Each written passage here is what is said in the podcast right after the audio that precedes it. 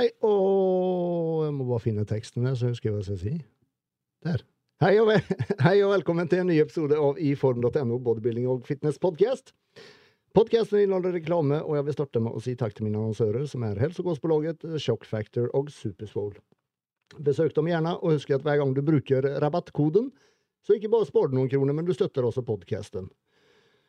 Og så vil jeg si eh, tusen hjertelig takk til mine patrons som er med og bidrar.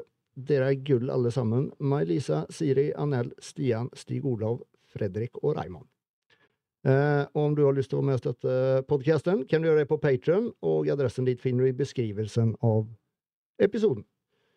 Og så er det veldig stor hjelp om du klikker like på videoen og abonnerer på kanalen, om du ikke allerede gjør det. Og så setter jeg veldig stor pris på en rangering på Spotify eller iTunes, eller veldig gjerne begge. Roger eh, meldte avbud i siste liten i dag, men eh, heldig som jeg er, så fikk jeg med Mathias, som nå eh, holder til i Sandnes. Eller, eller, eller Stavanger? Sandnes eller Stavanger? Uh, I dag holder jeg til i Stavanger, i morgen holder jeg til i annet. Ja, ja. det er rett i flytteopplegget nå. ja såpass, ja. Jeg sitter på gulvet, nå har vi ingen møbler her. såpass, ja. Ja. Og så fikk vi i hvert fall med Vetle òg, fra Trondheim. Og Jostein har gjort litt av en comeback. Han var jo borte forrige gang. Hyggelig å se deg, Jostein. Jo, likeså. Jeg er eh, litt badboy i dag. Jeg har med en ny dame hjem til familien og vi griller, og så sitter hun alene. Ja, men det, det, det syns jeg Hun er føler seg litt overkjørt nå. Det, det, er riktig pri- Ildprøvelse. Det, det er riktig prioritering. Podkast er viktig, altså. Podkast med gutta. Og Flisa sitter i siden og dør av varme, holdt jeg på å si. Sitter og koser meg for harde livet her ennå. Kose. Åssen faen er det mulig å kose seg i denne, denne varmen? Du, Akkurat nå sitter jeg i skyggen med litt vind på meg, så det er veldig behagelig.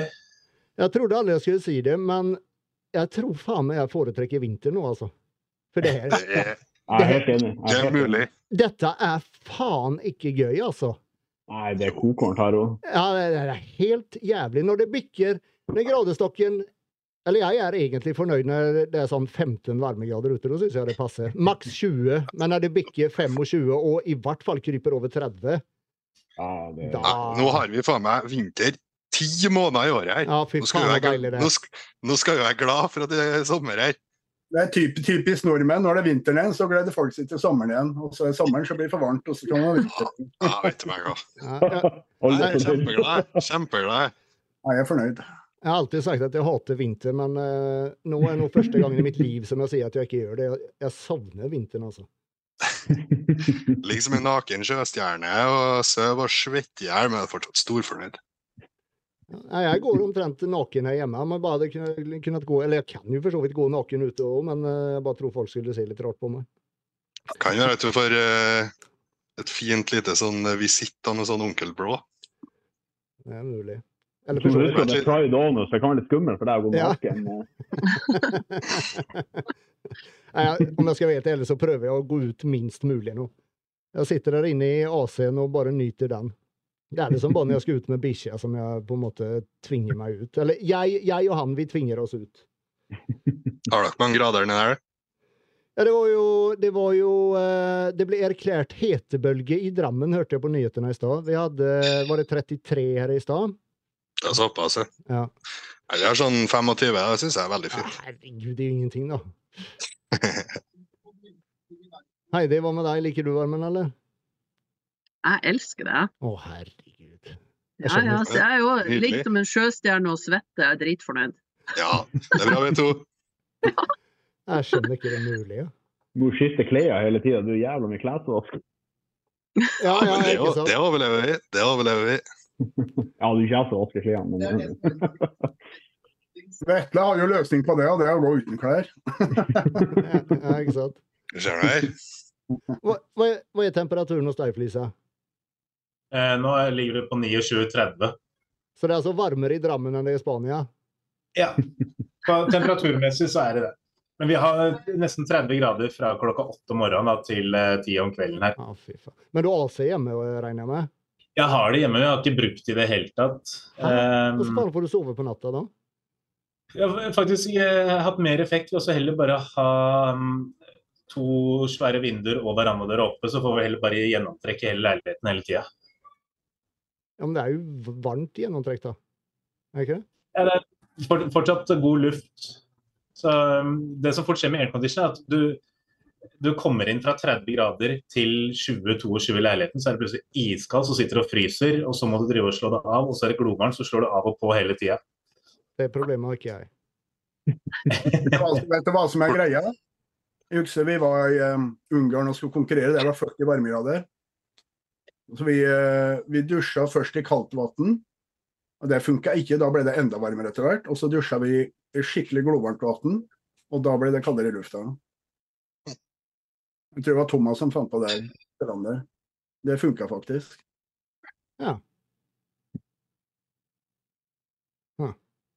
Kan være noe å prøve.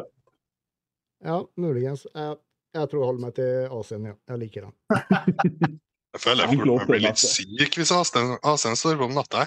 Ja, det er det som er mye forkjølt. Og... Nei, jeg har den ikke på på natta. Det, det har jeg ikke. Den, det, den bråker en del, så eh, det går ikke opp. Men, men så lenge man ikke går og legger seg før klokka 11, så, så går det greit. Så, jeg, så nå sommertid så, må, jeg- er jeg nødt til å snu min døgnrytme. For vanligvis sånn vinterstid går jeg og legger meg sånn mellom ni, senest klokka ti.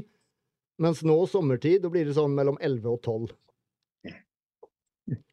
Så det blir Jeg skal få meg sånn fin Nettene er det som har vært det verste her nede, for det er fortsatt så varmt om natta. Så jeg har havna flere ganger på gulvet og sovet rett på flisene. Sover som en uteligger, liksom. Ja, det, altså, du våkner opp helt mørbanka neste dag og, og føler deg nesten fyllesyk, for du sover så dårlig. Men du holder i hvert fall nedskylt. Flisa på flisa. Flisa på flisa. Ja, det er grusomt. Man vet faen ikke hva man skal gjøre av seg til slutt. Nei, jeg er helt enig. Nei, nå har vi klagd, sånn. nå har vi klagd lenger lenge nok på varmen. Men vi, vi, det er godt at vi alle er enige om at det er helt jævlig. Eh, hva var det jeg tenkte på?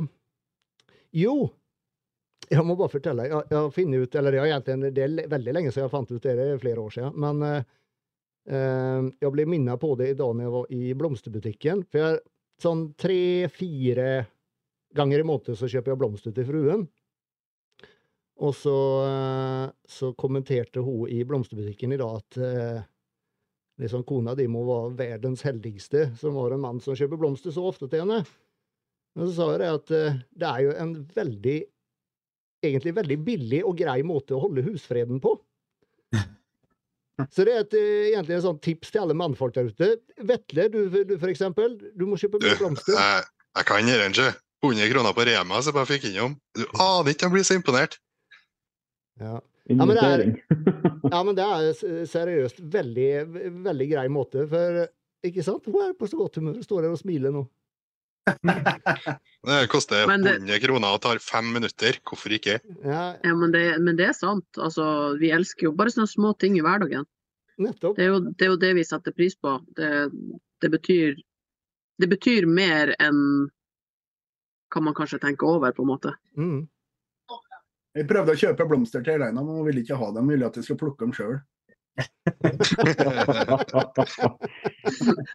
Se Jostein går inn i hagen til andre folk her nå. Det blir billigere òg, da. Mye fint etter veien òg. Ja, ja sikkert. Ja, jævlig bra. Eh, Vetle, du har vært uh, Tror de fleste har fått med seg. Du eh, var litt uheldig etter konkurranse. Du gikk rett i kjelleren. Ikke bare med en, et, syndrom, men faen meg alle i boka. jeg fikk hele smørbrødlista. ja. Så hele greia starta vel med at jeg fikk kyssesyke. Mm. Og når du liksom har kyssesyken, så er du litt mer mottagelig mot annet skitt. Så her i Vinning så hadde jeg søvnapné, virusinfeksjon og kyssesyke. Det var ikke faen meg på å daue. Vi på legevakta to-tre ganger. og Jeg skjønte jo ikke hva det var først heller. Så det tok jo en måned før de faktisk testa meg for kyssesyken. Hm. Så var det en liten liten men tur. ikke det en jævla vanlig sykdom? Er ikke det noe de burde på en måte se kjapt på? en måte? Det er, ikke, det er ikke vanlig å få det når du er så gammel. Oh, ja. De fleste får det jo når de er 14-15-16. sant? Riktig. Jeg hadde faktisk samme i siste konkurransen jeg gjorde i USA. Da hadde jeg kyssesyke. Så jeg fikk Og det, også- det er faktisk helt insane hvor fucka det blir. Jeg så hadde jeg liksom halsbetennelse, eh, skyhøy feber. Så jeg konkurrerte jo med alt det der. Det var jo helt raskt. Så jeg, jeg kjørte gjennom tre konkurranser. Og jeg var på en fylletur i Palma før vi oppdaga at jeg hadde kyssesyken. Så jeg holdt jo seriøst på så jeg holdt jo faen meg på å dø når jeg kom hjem. da. Er Men det er, jo enda, det er jo enda vanskeligere når man er på diett. Fordi at man er jo sliten uansett. Så man tenker jo ikke over det. Man tenker jo bare sånn ja ja, fy faen, det var slitsomt, liksom. Og så tenker Mm. man ikke over at det egentlig er noe annet som Ja, og så er jeg jo sta som et udyr, da, så det er aldri snakk om å gi seg. tenk. Så Selv om at det var så at jeg var så dårlig at jeg nesten ikke fikk meg ut av senga, så jeg sånn, ja, vi må kjøre cardio, vi skal på trening. Det er nå faen meg bare å drille på det. Da trivdes kroppen her. Ja, jeg kan eh, meddele at uh, leverenzymene mine de var utafor, de var utafor referanseverdiene, for å si det sånn. Det kan jeg se for meg. Jeg hadde en A-latt på 450. Normalt er det mellom 60 og 70 eller noe sånt? Mellom 40 og 100 tror jeg er referanse, okay. re referanseverdiene. Jeg husker når du sier det, Vetle, hvor dårlig du var bak scenen der, altså. Fy fader. Ja, sånn, jeg, jeg visste jo ikke hvor jeg var engang. sant? Fy faen. Men du sa, du sa uh, sø- søvnapné. Er det noe som har kommet nå, eller noe du har hatt lang Det tid? kom eh, sånn Jeg har jo alltid sovet dårlig, Mm. men når jeg ble syk i tillegg, så har det sikkert trigga et eller annet. Så nå har jeg begynt å få sånn pustestopper om natta. Og så ble det jo enda verre når jeg begynte å rebounde ut ifra konkurranse. Ja, hvor mye har du gått opp nå etter konk? Eh, Jeg blæste opp ganske fort til 118 eh, rett før vi fant ut at jeg hadde kyssesyke. Og så har jeg jo ikke trent på fem uker fram til nå. Fikk lov til å begynne å trene starten av forrige uke, så nå er jeg rundt sånn 116. da. Men eh, det er jo litt kjipt å være 116 i dårligere form enn du var på 118. da. Mm. Ja, nei, Jeg, det. Ser, nå rim, ser nå rimelig bra ut fortsatt. Ja, det snur vel fort, eller du er fort tilbake der du var, tenker jeg. Ja. Så målet er å prøve å komme opp en 130 i år. Å, det hørtes jævlig ut. Ja, det kommer til å, Det kan det kommer til å, bli, det kommer til å bli jævlig. ja, Jostein kan Dans. fortelle alt om det. men, mens jeg lå hjemme og gjorde ingenting. Sånn. Jeg gikk ikke, jeg gjorde ikke cardio, og jeg ikke trent. Mm. Så spiste jeg 5000 kalorier for å opprettholde vekta mi. Herregud. Går, går det greit, eller er det slitsomt å Ja. spise så mye? Nei, appetitten er ganske god nå, ja. Så jeg ligger på sånn 5-5 nå. Eh, Bare tenker å eh, holde en sånn fin nullpunkt til en liksom begynner å komme godt inn i treninga igjen. Ja, du, ja, du spiser like mye som Heidi har gjort nå siste tida, da. Da skal jeg, skal jeg begynne å pushe opp vekta i starten av uh, juli. Skal du gjøre sånn health face nå, da, eller? Må få levra på uh, Jordan først. Det, det som var så snodig, det var at blodprøvene mine etter konkurranse Alt var seriøst perfekt! Aldri sett så bra ut! Eh, nesten så jeg blir forundra, liksom. Eneste som var utafor referanseverdiene, det var jo leverprøvene. Men høres, Levra tar jo heldigvis ikke så lang tid å komme seg tilbake da, som andre ting. da. Nei, han, han er jo, han er jo Herregud, hvor gammel er du? 25? 24? 25? 24. Ja, ikke sant? Ung og udødelig, sikkert. Ja. Ja. Men det, det, høres, det høres så bra ut når du sier det, Mathias. Health face. Som, Det, Mi mindre usunn fase. det, det, forteller, det forteller jævla mye om sporten, liksom. Nei, det er litt sykt, det der, siden det er liksom sånn health-face. Det er jo faen ikke sunt, det heller, sant? Det, er mindre usunt. det, bare, det, det er bare mindre usunt. Hva med deg, eh, Mathias, da? Åssen går det med beinet? Har du fått eh, Begynner det å komme seg litt, eller? Ja, det, den er like stor nå Å ja, såpass, ja. som i omkrets. ja. Ja. Men mistet, mistet du mye på venstrebeinet òg, på en måte? Eller, eller det andre beinet, rettere sagt? Ja, men det var bare for at jeg ikke trente. Det var mest bare glykogen og sånn, tror jeg, at det ikke var noe fylde i det. Mm. Så med en gang vi begynte å trene, så blåste det opp ganske fort. Men er du Du drev ikke med noe tilbake enfotstrening? Hæ? Drev ikke med noe enfotstrening? Nei, veldig lite, egentlig. Jeg trente nesten ingenting i starten Mm. på beina whatsoever. Mm. Uh, men uh, jeg kjører mye enfot ennå. Jeg varierer med enfots og begge, sånn at jeg får uh, tatt skikkelig på venstrefoten uten at høyrefoten på en måte brukes for mye. Da. Tar, tar over, ja. Ja. Men tør du, tør du på en måte å, å, å trykke til ordentlig, eller sånn Har du det litt i Intensiteten er vel uh, der den skal være. Det er bare vekten som ikke er der ennå. Ja. Jeg tror hvis du lar frykt eh, holde deg igjen, så skjønner du Det aldri å komme eneste, deg igjen. Jeg bør være litt forsiktig med sånn rep, sånn at foten begynner å riste. liksom. At jeg stopper litt før det begynner å riste. For det begynner Mm. å riste, så er det ikke helt godt. uh, Men det er ikke noe sånn at du Føler noe sånn ubehag i, i Eller sånn at du har liksom den tanken i bakhodet at bare faen, det gikk galt sist, liksom. Du vet hva som kan skje, på en altså, måte. Jeg har det kanskje mer ellers, men når jeg er på selve treninga, at jeg er så fokusert at jeg kan liksom ikke tenke på det. Det er jo mer enn når jeg er ute og går at jeg tenker på det. Jo, men hvis du skal drive på og la frykt styre det der, så kommer du jo aldri til å progressere. aldri Hvis du skal hive 300 kilo på ryggen liksom, og sette deg ned i en hekskott, driver du og tenker på at du er redd, da, så går det jo til helvete. Mm. Altså, det er jo egentlig skummelt nok når du ikke har kneskade, så man kan ikke tenke sånn. Nei, Ja. Nei, da må du i hvert fall legge opp. Hvis du Ja. skal tenke det. Ja. Men selvfølgelig, jeg må jo trene bein mye smartere enn jeg gjort før. Det må jeg gjøre. Ja, men det hører noe med. Men jeg er enig med den som du sier der, Mathias. Det med ristinga, det, det er skummelt, altså. For da Mm. begynner man å kompensere, og det kan fort gå gærent. Hvis man, Mm. eh, hvis man ikke lytter på det. Var det det du gjorde når det, når det røyk, eller? Ja, det kan godt hende. Det brukte å skje hele tiden når jeg kjørte en tung hekskott, at det rista litt på disse repsene i fotene. Ja. Jeg vet ikke om det var det som var årsaken, det var det neppe. Men uh... Nei, nei. nei, nei. Jeg, ten jeg tenker nå at siste repsen skal riste litt. jeg. ja, det er jo sånn eh, jeg har tenkt det hele tida. De må bare legge det litt bort. nervesystemet skal få kjørt seg litt. ikke? Ja, de må bare legge det litt bort på beintreninga. Altså, det, det er litt vanskelig for meg, da. men uh, det går nå greit. Jeg, hold, jeg holder den helt til smeller. det var det jeg òg gjorde. Ja. Ung- ung- ung og Det var det du det var Ung det og akkurat Jeg er jo ikke så ung lenger, jeg er jo 30. Oh, oh. Da har jeg seks år på meg til å være idiot.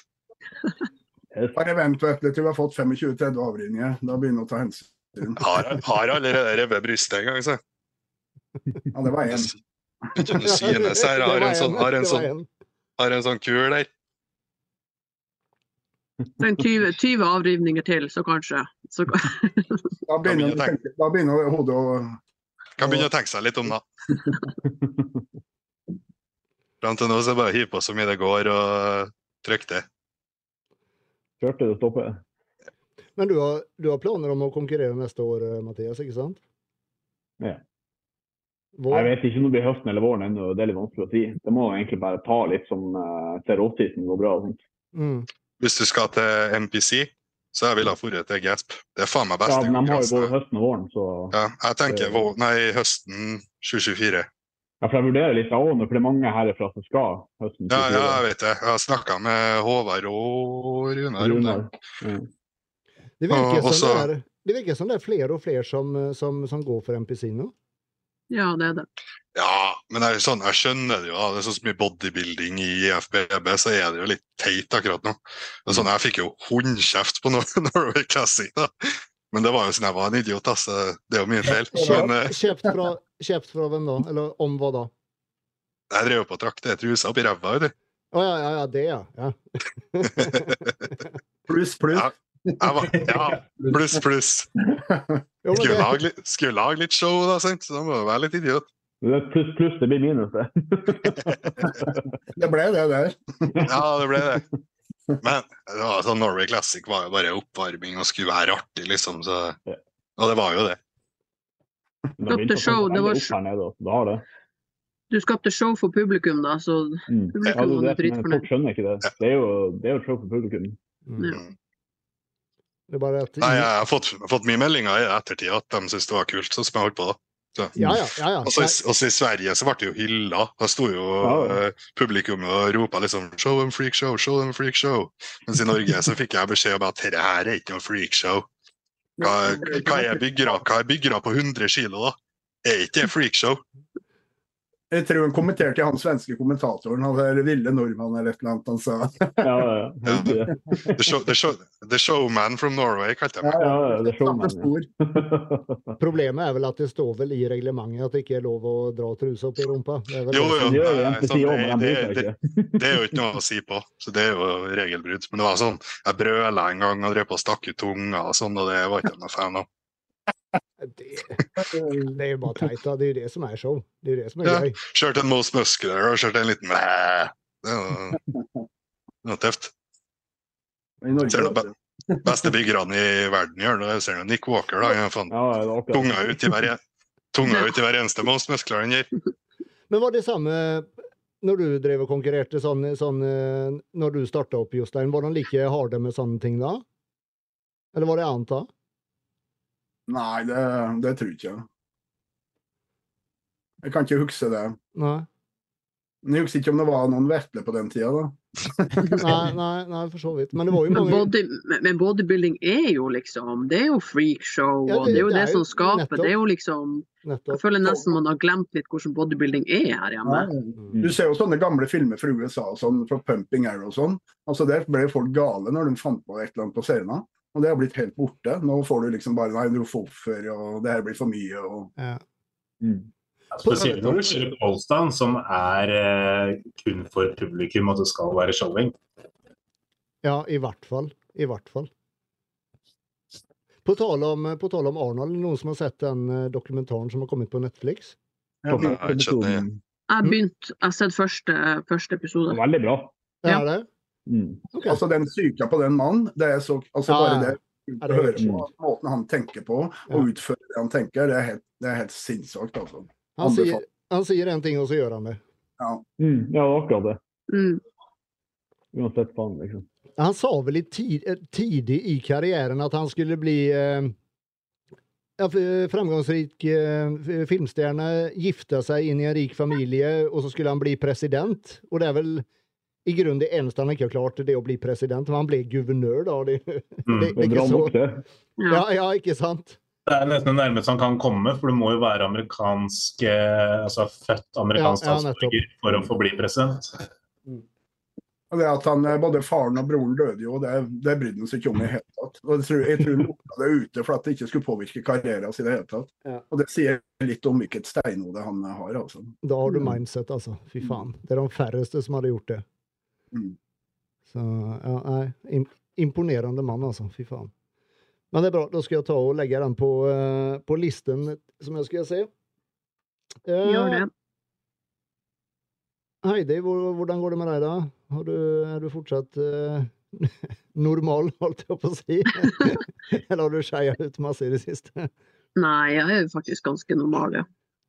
Så Nei, jeg er egentlig bare dritfornøyd. Masse energi, trener bra. Jeg er oppe på de samme vektene som før jeg begynte på dietten. Så Nei, jeg vet ikke. Altså, mer, eh, altså, jeg har ikke noe behov for å klikke helt og spise 17 boller og Nei, men du, det kan jeg forresten si. Uh, uh, vi fikk jo et spørsmål i forrige episode om, det, om, om man får dårligere prestasjon av å unloade kølla for trening. Jeg vil si ja. Ja, nei. Eller ja, Har vi fasit? Ja, Har vi fått ja, fasit? Ja, eller jeg, har, eh, jeg fikk faktisk en melding av en eh, lytter. Eh, Det ble gjort en studie i Det er mange år siden, da. Om det var i 2006 eller 2009. Jeg husker ikke. På oss mannfolk så kan det ha dårligere effekt, men på jenter så kan det ha flere positive effekter. Det kan dels virke smertedempende. Det vil si at man da rett og slett klarer å pushe seg eh, enda hardere. Og så var det Skal vi se En ny PV, Heidi. Ja. eh, vi ser om jeg finner hvor det var det sto. Er det smøring, kanskje? Bedre smøring? Nei, men det er jo veldig enkelt, det her, da. Ta en mann og en eh, kvinne som har sex, og så ser du hvem er som ligger og sover etterpå, og hvem er som er klar for runde nummer to. En av mekanismene er at det blokkerer eh, utsøndring av en neuropeptid, substans P, eh, som er en eh, pain transmitter. Og så fant, han også, fant de også ut at vaginal stimulasjon har en eh, sterk effekt på eh, muskelkontraksjoner i beina, eh, som øker det i de fleste kvinner. Hmm. Så eh, du Ja, så vet du det. Du bør ta deg en kjapp en før du skal på trening. Tenk den pumpen du får i lårene etterpå. Ja. Ja.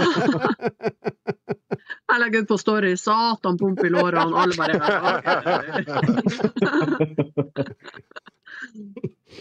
Nei, men eh, nei, alt. Jeg føler meg egentlig veldig Jeg spiser jo fortsatt en god del mat, men det er liksom bra mat. Så føler også kroppen begynner å bli seg sjøl igjen, liksom. Jeg har jo fått litt på magen og sånn, men jeg har ikke unødvendig mye vann i kroppen, eller Ja, jeg føler meg egentlig Jeg kommer tilbake til normalen dritkjapt. Så Men det plager ikke deg at du, som du sa i forrige episode, at du har en, du har en liten pølse nå? Nei. Altså, hvis jeg kanskje skulle ha levd med den resten av livet, men jeg vet jo at jeg vil gå tilbake til normalen når jeg bare roer litt på kaloriene, liksom. Men det, Men um, det skulle jeg nå vilja si er veldig unikt for deg, da. For de fleste jenter kan jeg tenke meg hadde psyka helt ut med en pølse på magen. det tror jeg. Og da begynte å, begynte å da holde igjen på maten noen dager, og så sprekker de igjen, og så er det fram, og så er det tilbake, og, og, Ja. og så er det i gang, liksom. Og det var jo det jeg gjorde da jeg var ung, da jeg var yngre. Det var jo Mm. sånn jeg holdt på. Så det er jo um, oppskrift på katastrofe. Ja, ikke sant? Det var et resultat av erfaring. Ja, exactly. Og så er jeg jo og uansett, jeg går jo alltid Jeg kjøper jo klær på herreavdelinga, går i begge T-shirts og jeg er jo den, den type person, så jeg vet ikke, jeg ser jo ikke magen min engang, på en måte. Så jeg ser jo ikke den. Jeg går i begge T-shirts, og liksom Må jeg vrenge av meg på gymmet for det er varmt, så gjør jeg det, liksom. Mm. Men uh, Så lenge puppene er større enn magen, så er det ikke fett. jeg vet ikke. Jeg vet ikke. Nei det har vært med med hodet ditt å gjøre og tenker altså Du er en veldig sånn kompetitiv person. da.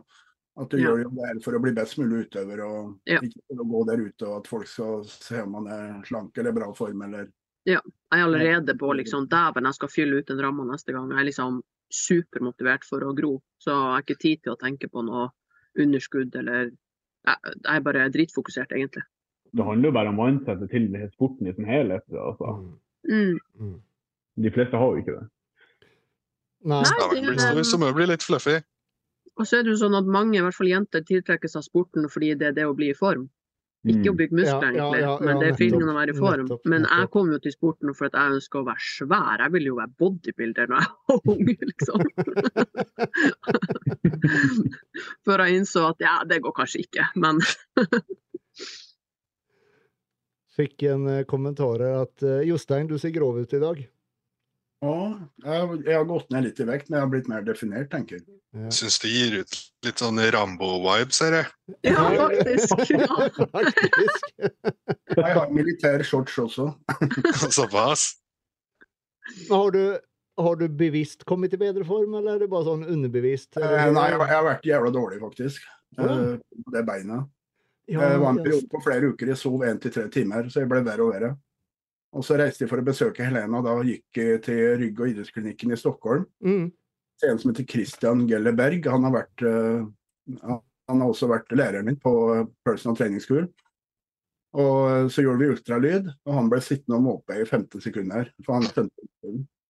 Så jeg har brudd i leggbeina, fire-fem betennelser, væskeansamling og en løs beinbit. Å, fy faen. Jævlig. Det er faen ikke rart du har vondt da. Nei. Kom tilbake til Norge nå, så han kontakta altså kneeksperter som vi skal gå videre med. Jeg vet ikke om jeg får gjort noe med det, men uh, jeg har jo sånn eh, restless leg som er Mm. helt sikkert. Så jeg er oppe og sykler et par ganger på natta. Isdusjer, smører, masserer. Uh, så fikk jeg av legen min så fikk jeg Parkinson-medisin, faktisk. Okay. Da sov vi plutselig åtte timer. Ja, da, da var jeg såpass happy at tårene rant faktisk på morgenen. For jeg var Ja, så det skjønner psykisk Ja. Det var helt meningsløst. Men, Jeg kan kjenne meg igjen i den. Mm. men hva er det hva er Parkinson-medisin, sier du? Hva er det den gjør da? Eller hva er Eh, det Den, den, gjør- den, altså du, det, du får ikke sånn restless leg som det heter. da. Og den restless leg, det, det er jo et eller annet med nerver og balanse i muskulaturen. Og, og det blir liksom verre og verre. Dess mer sliten jeg ble, dess verre ble beina. Altså du klarer ikke å ligge stille. Så det hjelper å isdusje, det hjelper å sykle. Jeg var jo oppe to ganger på natta og, dusj, eller, eh, og trente sykkel et 20 minutter, f.eks. Yes. Og så fikk jeg ro i kroppen i 20 minutter, og så var det på'n igjen. Så, ja, ja. Kroppen blir jo helt utslitt. Mm. Ja, ingen, ingen smertestillende som hjalp, og ingenting. Og den parkinson den bare slo rett inn. Det er jo fantastisk da, at du har fått den, at, du, at det er Ja. noe som funker. Ja, det var, det var helt sprøtt. Nå har jeg prøvd så mye, og det er ingenting som har funka. Plutselig så bare Oi, shit. Men hva skjer nå, eh, nå framover? Jeg eh, hadde ikke blitt gamlere hvis jeg ikke hadde fått gjort noe. Altså. Nei. Men hva skjer nå, da? Du hadde brudd i leggbeinet, sa du? Mm. Åssen Er det noe du vet du har gjort, eller bare Nei, ingen anelse. Og det er veldig komplisert, for jeg har jo saga av en del bein. Jeg har flytta kneskåla fem centimeter. Eh, Så det, og det er masse arver og sånt der, så det er klart at det, det er ganske komplisert, da. Så han Christian han sa han hadde ikke kompetanse til å ta det her videre, så han måtte kontakte et par spesialister, og siden har jeg ikke hørt noe. Så akkurat per dags dato så er jeg jo sykmeldt. Er det fortsatt like vondt, eller?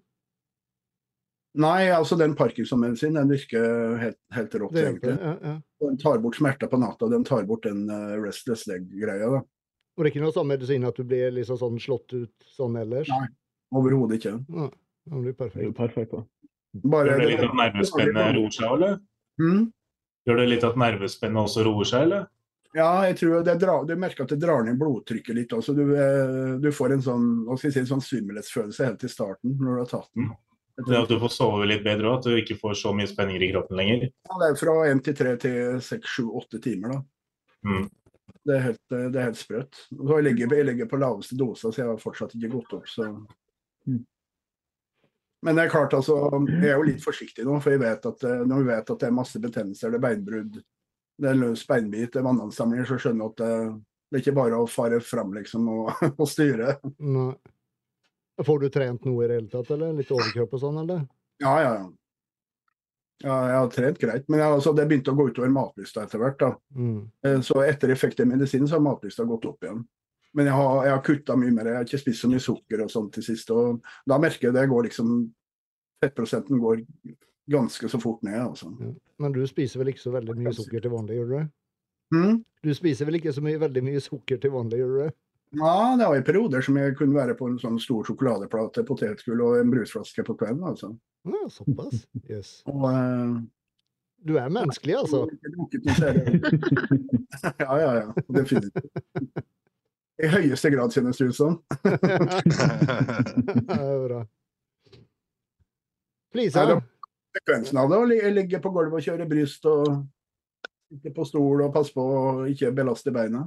Ja. Det funker bra, den isoleringstreninga. Føler jeg funker bra. for det er, jo, det er veldig lite belastning, men du får belaste muskulaturen i seg sjøl mye. da, og, og, og unngår skader og får mye laktat i kroppen. og mm. Jeg hadde ikke klart å gjort, altså Det tok jo lang tid før jeg klarte å på en måte godkjenne i hodet mitt at, at jeg kunne trene sånn. For jeg, jeg kom jo definitivt fra old school-trening.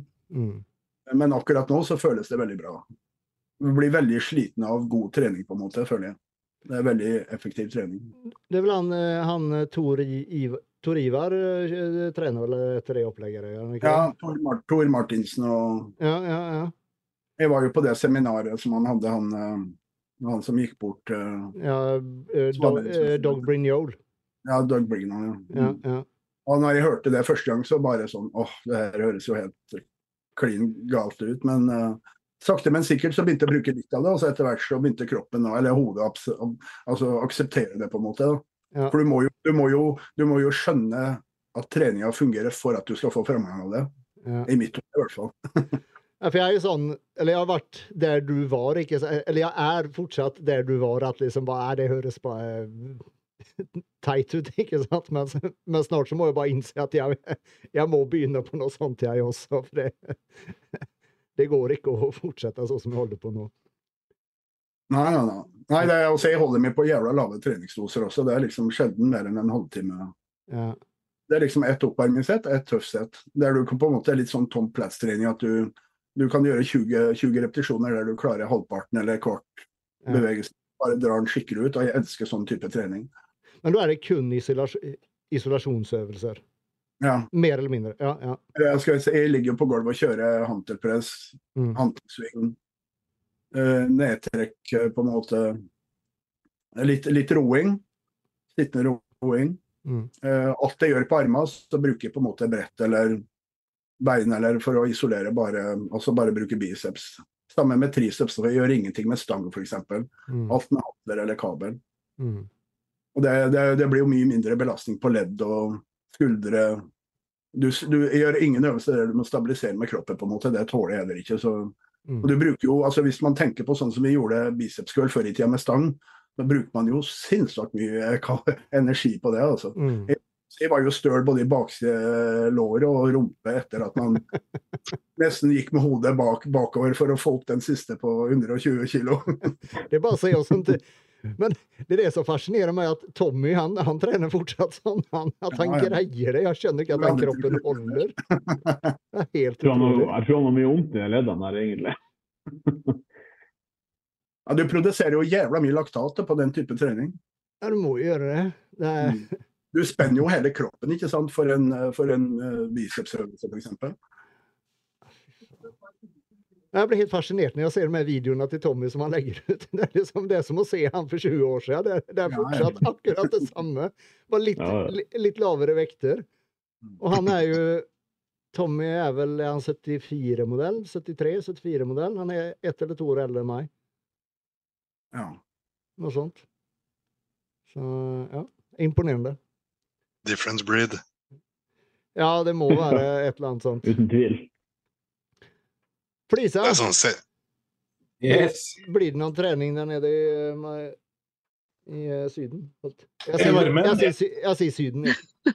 Det, det gjør det, men det, det blir mindre her, sånn kjenner jeg. Det er liksom eh, litt annerledes dager. Så er det å si, Det verste med gymmet her nede er åpningstider. At de fleste åpner tidligst klokka åtte. I helgene så åpner de gjerne klokka ti og stenger klokka to. Mm. Så i løpet av de fire timene så må du liksom være på, på plass. Jeg stenger to for dagen, eller er det bare sånn siesta da til at de åpner Begge igjen? deler. De aller fleste stenger for dagen, og så er det noen gym som åpner igjen klokka fire og stenger klokka seks eller åtte etterpå. Ja. Fine arbeidstidene. det er- Det er, det er eh, elendige åpningstider og sånt på det. Så um, Eller mangel på arbeidstider? mangel på, på arbeidstider for dem selv, absolutt.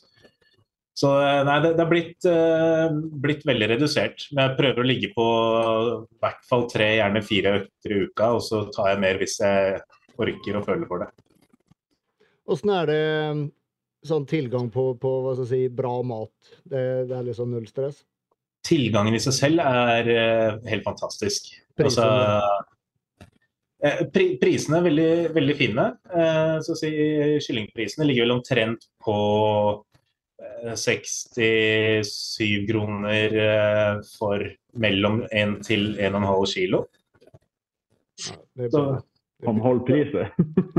Halv pris! Ja, ja, det er under det òg. Det er jo faen meg under det. Også. det er det, men legg til forskjellen på norsk og spansk lønn, så er det ikke halv pris lenger. Da snakker vi Det er nesten som at det hadde kosta 90 kroner i, i Norge, tipper jeg, med, med lønnsforskjellene.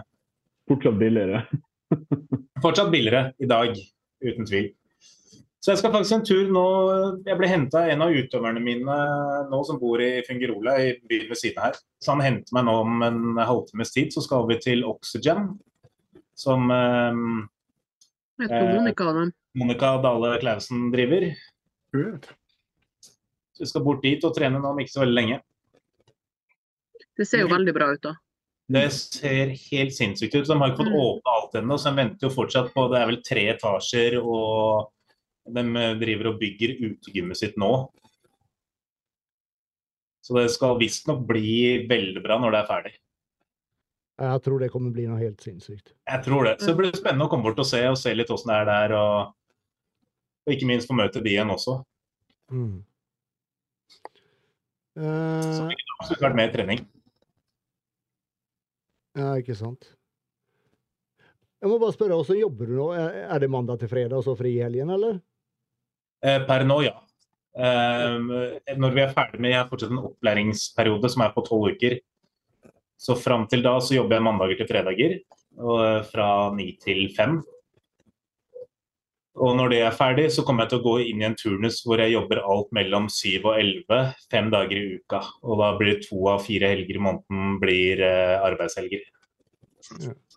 Sånn, sånn, så på fritida og sånn, hva gjør du? Eller har du blitt kjent med noen der nede? Absolutt. Blir kjent med veldig mange. Så jobber jeg på et eh, nordisk firma, så det er jo liksom 150 nordmenn, svensker og dansker på, på kontoret mitt. Noen fine damer, eller? Jeg skal ikke klage på, på kvaliteten der. Har det blitt noe på det? Jeg har blitt dårlig med det, faktisk. Det har vært, uh... Jeg må jo spørre, da. det er ikke der jeg kan skryte mest, altså. Faen, flisa. Jeg trodde du dro på den for at du skulle si ja, liksom. Hvert fall lyver og sier ja. Jeg burde egentlig gjort det. Jeg føler at ingen hadde trodd meg uansett, så jeg kan like godt si nei med en gang. Nei, det, det, er akkurat, det, det er litt av det som er så deilig her nede, er rett og slett det med Når du er ferdig på jobb, så er det liksom du kan stikke rett på stranda, være der to-tre timer. Ehm, det, er, det er stort sett strandliv det, det går i. Det er liksom, De aller fleste er på stranda eller går på en eller annen restaurant eh, et eller annet sted i sola. Ja, du er mye ute og spiser, har jeg sett i hvert fall. Ja, det, altså det, det blir jo mye av det. Men det er jo, veldig sos det er jo et sosialt land, er det ikke det? Ja, De går jo mye Jo. ut og liksom Det, så det er sånn litt, folk er sosiale her. litt mer rimelig å gå ut og spise der enn hva det er hjemme. Ja, ikke Det er det definitivt. Eh, prisene på restaurantene er jo helt sinnssyke i forhold til her. Mm. Men eh, er altså, det er klart jeg, jeg skulle ønske at jeg kunne fått trent før jobb. Hadde jeg kunnet gjort det, så hadde det vært perfekt. Men å begynne klokka ni når gymmet åpner åtte, så er det ganske vanskelig å få til. Mm.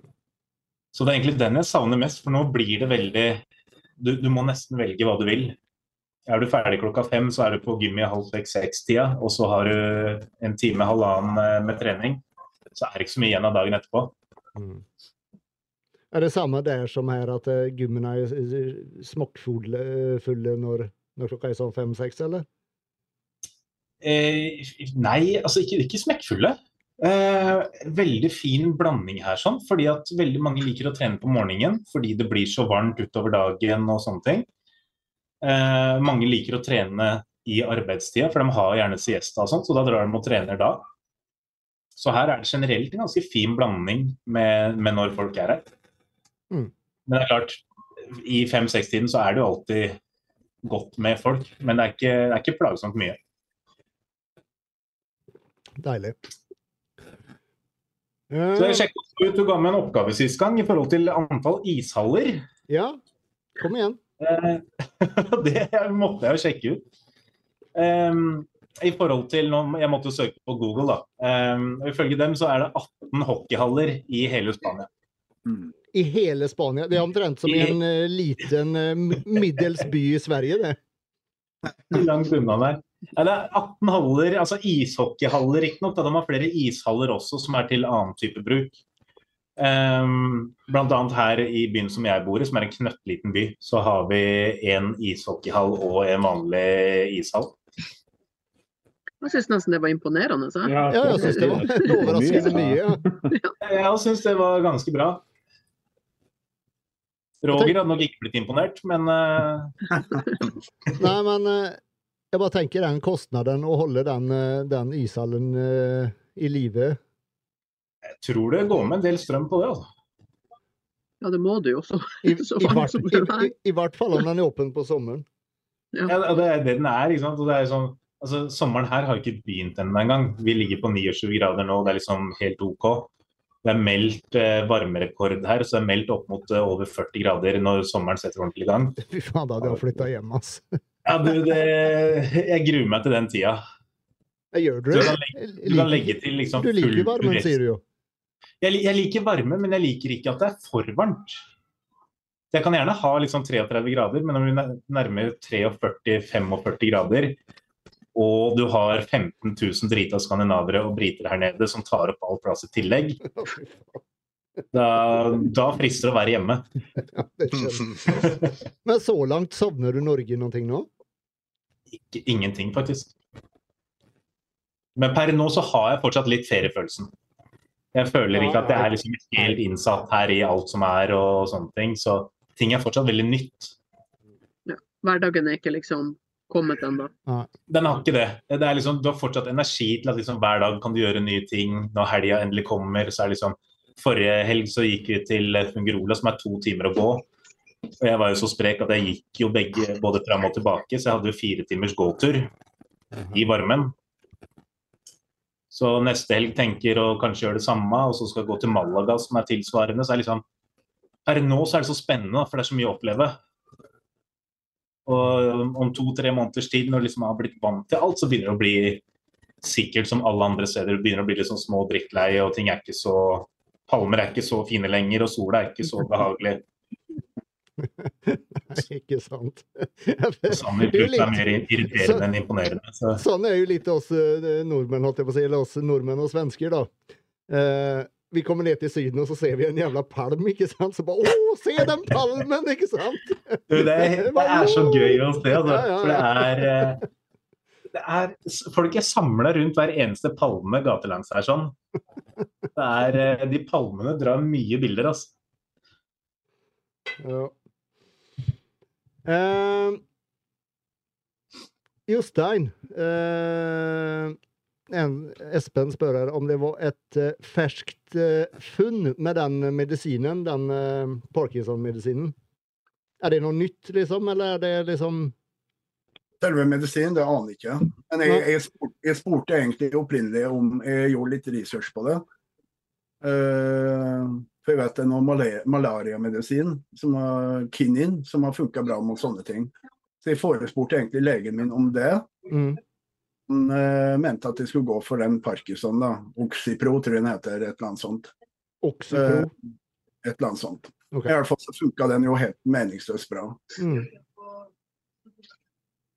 Ja, det at jeg, Når den, når den er funnet opp eller lagd, det aner ikke. Det er bare, jeg er bare glad for at den funker. ja, ja, det skjønner jeg jævlig godt. Skjønner jeg Det jævlig går jeg ikke research på, men Nå. Selv eh, jeg har nå henvist til en neurolog for å få, prøve å få orden med nakken min, eller se hva som eventuelt går å gjøre. Egentlig, jeg var jo sykemeldt nå i to uker, med, i håp om at det skulle kanskje bli litt bedre, men det har egentlig bare blitt eh, Det er i hvert fall ikke blitt bedre, eh, heller kanskje litt verre. Så jeg begynte å jobbe igjen, og så blitt henvist nå til neurolog, så blir det vel mest sannsynlig operasjon, da. Det blitt såpass. Ja, det, det er helt ja, Operasjon i nakken, liksom. Ja, eller jeg, jeg har jo det- sånn her stenose, ikke sant, i, i innklemming av eh, nerver. Okay. Så jeg har jo mer eller mindre konstant stråling ut i armen. Eh, det er sånn vondt å bevege nakken. Det er ikke hele tida, men er framfor alt når jeg står opp på morgenen eh, og sånn på kvelden, om jeg liksom sitter en time i ro i sofaen. Eh, og så beveger jeg litt på nakken, og det bare skyter ut i armen. Det er helt jævlig. Og så nå også begynt å få litt uh, svekka, svekka grepsstyrke og svekka eh, ekstensjonsstyrke i fingra eh, på den armen. da. Mm. Og det er sånn litt alarmerende signal. Da, da liksom må man ta, ta noen grep. Ja. Det var utrolig hjulpet for deg å flytte ned i varmen, Andreas. Ja, jeg tror også det, men uh, bare at jeg hater den jævla varmen. Og det har, det, det har ikke blitt noe bedre når jeg har vært i denne Vi har jo for faen varmere her nå enn hvor, vi har, enn hvor du har der, der nede. Men du sitter jo i airconditioner og kjøler deg ned til 17 grader. Så det... Ja, men jeg er ute med bikkja òg, da. Men akkurat det er faktisk en ting jeg har merka. Jeg, jeg sliter jo ekstremt med hele kroppen. Og akkurat det med, med leddene og kroppslige smerter, selv leggene mine, føles ekstremt mye bedre ut i varmen her nede. Mm. Det har hatt en ekstremt god effekt, selv om liksom, plagene blir ikke borte. Men mye har blitt uh, mer behagelig å holde ut med daglig. Mm.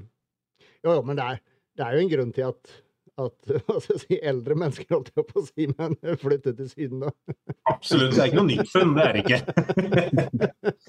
Du er vel kanskje ikke helt der ennå, men Så jeg får ikke det navnet etter meg, det trikset med å flytte til Spania. Det gjør jeg nok ikke. Men Nei. eh, ikke ennå. Eh, jeg tenker vi tar en kjapp reklame. Norges råeste treningsklesmerke The Shock Factor har nettopp hatt en ny release av Graphic-kolleksjonen med flere nye design og farger. Men fort deg å bestille for å sikre deg ditt eksemplar da etterspørselen er veldig stor. Du fikk vel også med deg den dritkule tracksuiten som ble lansert for et par uker siden? Hvis ikke, så rek rekommenderer jeg at du tar og sjekker den ut. I tillegg har de også performance-kolleksjoner med både dame- og herretøy, samt oversized og lifestyle-kolleksjonene. Så om du er ute etter treningstøy med høy kvalitet, tøff design, som er deilig å ha på seg og som sitter som det skal, så bør du ta en tur innom theshockfactor.com, der du kan bruke kode GYMBROS for 10% avslag på prisen. Altså koden GYMBROS gir deg 10% avslag på prisen hos The Shock Factor. Ok. Eh, da er vi back. Og der var Heidi også tilbake. Jo, Heidi, jeg må spørre deg, for det er vel egentlig bare Er det noen mer enn meg og Heidi som har bikkje her? Nei. Nei. Bare meg og Heidi. Heidi, er Mm. du eh, Hugo begynner å bli litt, eh, litt sånn opp i årene. Han blir 13 nå til høsten, ikke sant? Mm. Og så Man vet jo den dagen som vil komme en vakker dag, og som man helst ikke vil tenke på, men som man begynner å tenke på noen ganger. Mm. Og jeg blir Jeg får så vondt inni meg. Jeg blir helt knust. Har du det samme? Ja, altså, jeg, jeg begynner å skrike. Ja, jeg òg. Altså, jeg sitter og begynner å grine, altså. Samboeren min driver og så- klikker på meg. Ja, Jeg gruer meg så jævlig. ja, så kommer det av og til opp sånne memes på Instagram med en sånn gammel hund, Yes. og man vet at OK, han kommer til å dø, og så begynner jeg å skrike at det òg, det er ikke engang min egen hund. Jeg sitter og ser på YouTube og, og ser sånne her eh, er det litt sånn rø rørende dyrefilmer, eller framfor alt med hunder, da, ikke sant? Jeg, blir- jeg blir helt knust, ja. Jeg vet det, jeg må tvinge meg, jeg må ikke tenke på det. Men jeg har lyst til å kjøpe en til, så de i hvert fall overlapper. Jeg kjenner bare at jeg går i dyp depresjon den dagen hun Sylvis dør. Hun har vært sammen med meg non stop i ni år, i alt. Samme hun er jo ikke hjemme hun er jo ikke hjemme engang. Hun er jo med meg til og med på gymmet og sitter og venter når jeg er på jobb og alt mulig. Ja, samme her. Hugo er med meg. Enten han er med meg på jobb, eller så er han i hundebarnehagen, ikke sant? Mm. Og uh, har vært siden han var ja, faen meg fire, fire Eller ja, siden jeg fikk han, han var åtte uker. Og når jeg tenker på når den dagen skal komme Jeg, jeg, jeg sa det til, til, til fruen her om dagen, at jeg tror jeg må sykemelde meg, mellom meg i flere måneder. Ja, for jeg kommer bli helt Ja. sønderknust. Ja, men jeg, sa det, jeg sa det også til en venninne, det er jo sikkert noen måneder siden. Jeg bare jeg kommer til å gå i dyp depresjon den dagen Ja. Sylvia dør, og det er ikke kødd. Fy faen. Ja, fy faen. Ja, det er godt å høre at det ikke bare er meg. Jeg prøver liksom ikke å tenke på det, men Ja, men av og til når de... det de, er de aller fleste altså, er sånn. Altså. ja, ja, og, så når de begynner å bli oppi årene, så Ja, i- tenker man jo på det. fall nå. Fordi Ja. Ja. Ja, gud. Ja, nei. Vi prater om noe gøy istedenfor. Uh, er det noen som har noe gøy å fortelle før vi går, hopper inn på spørsmål?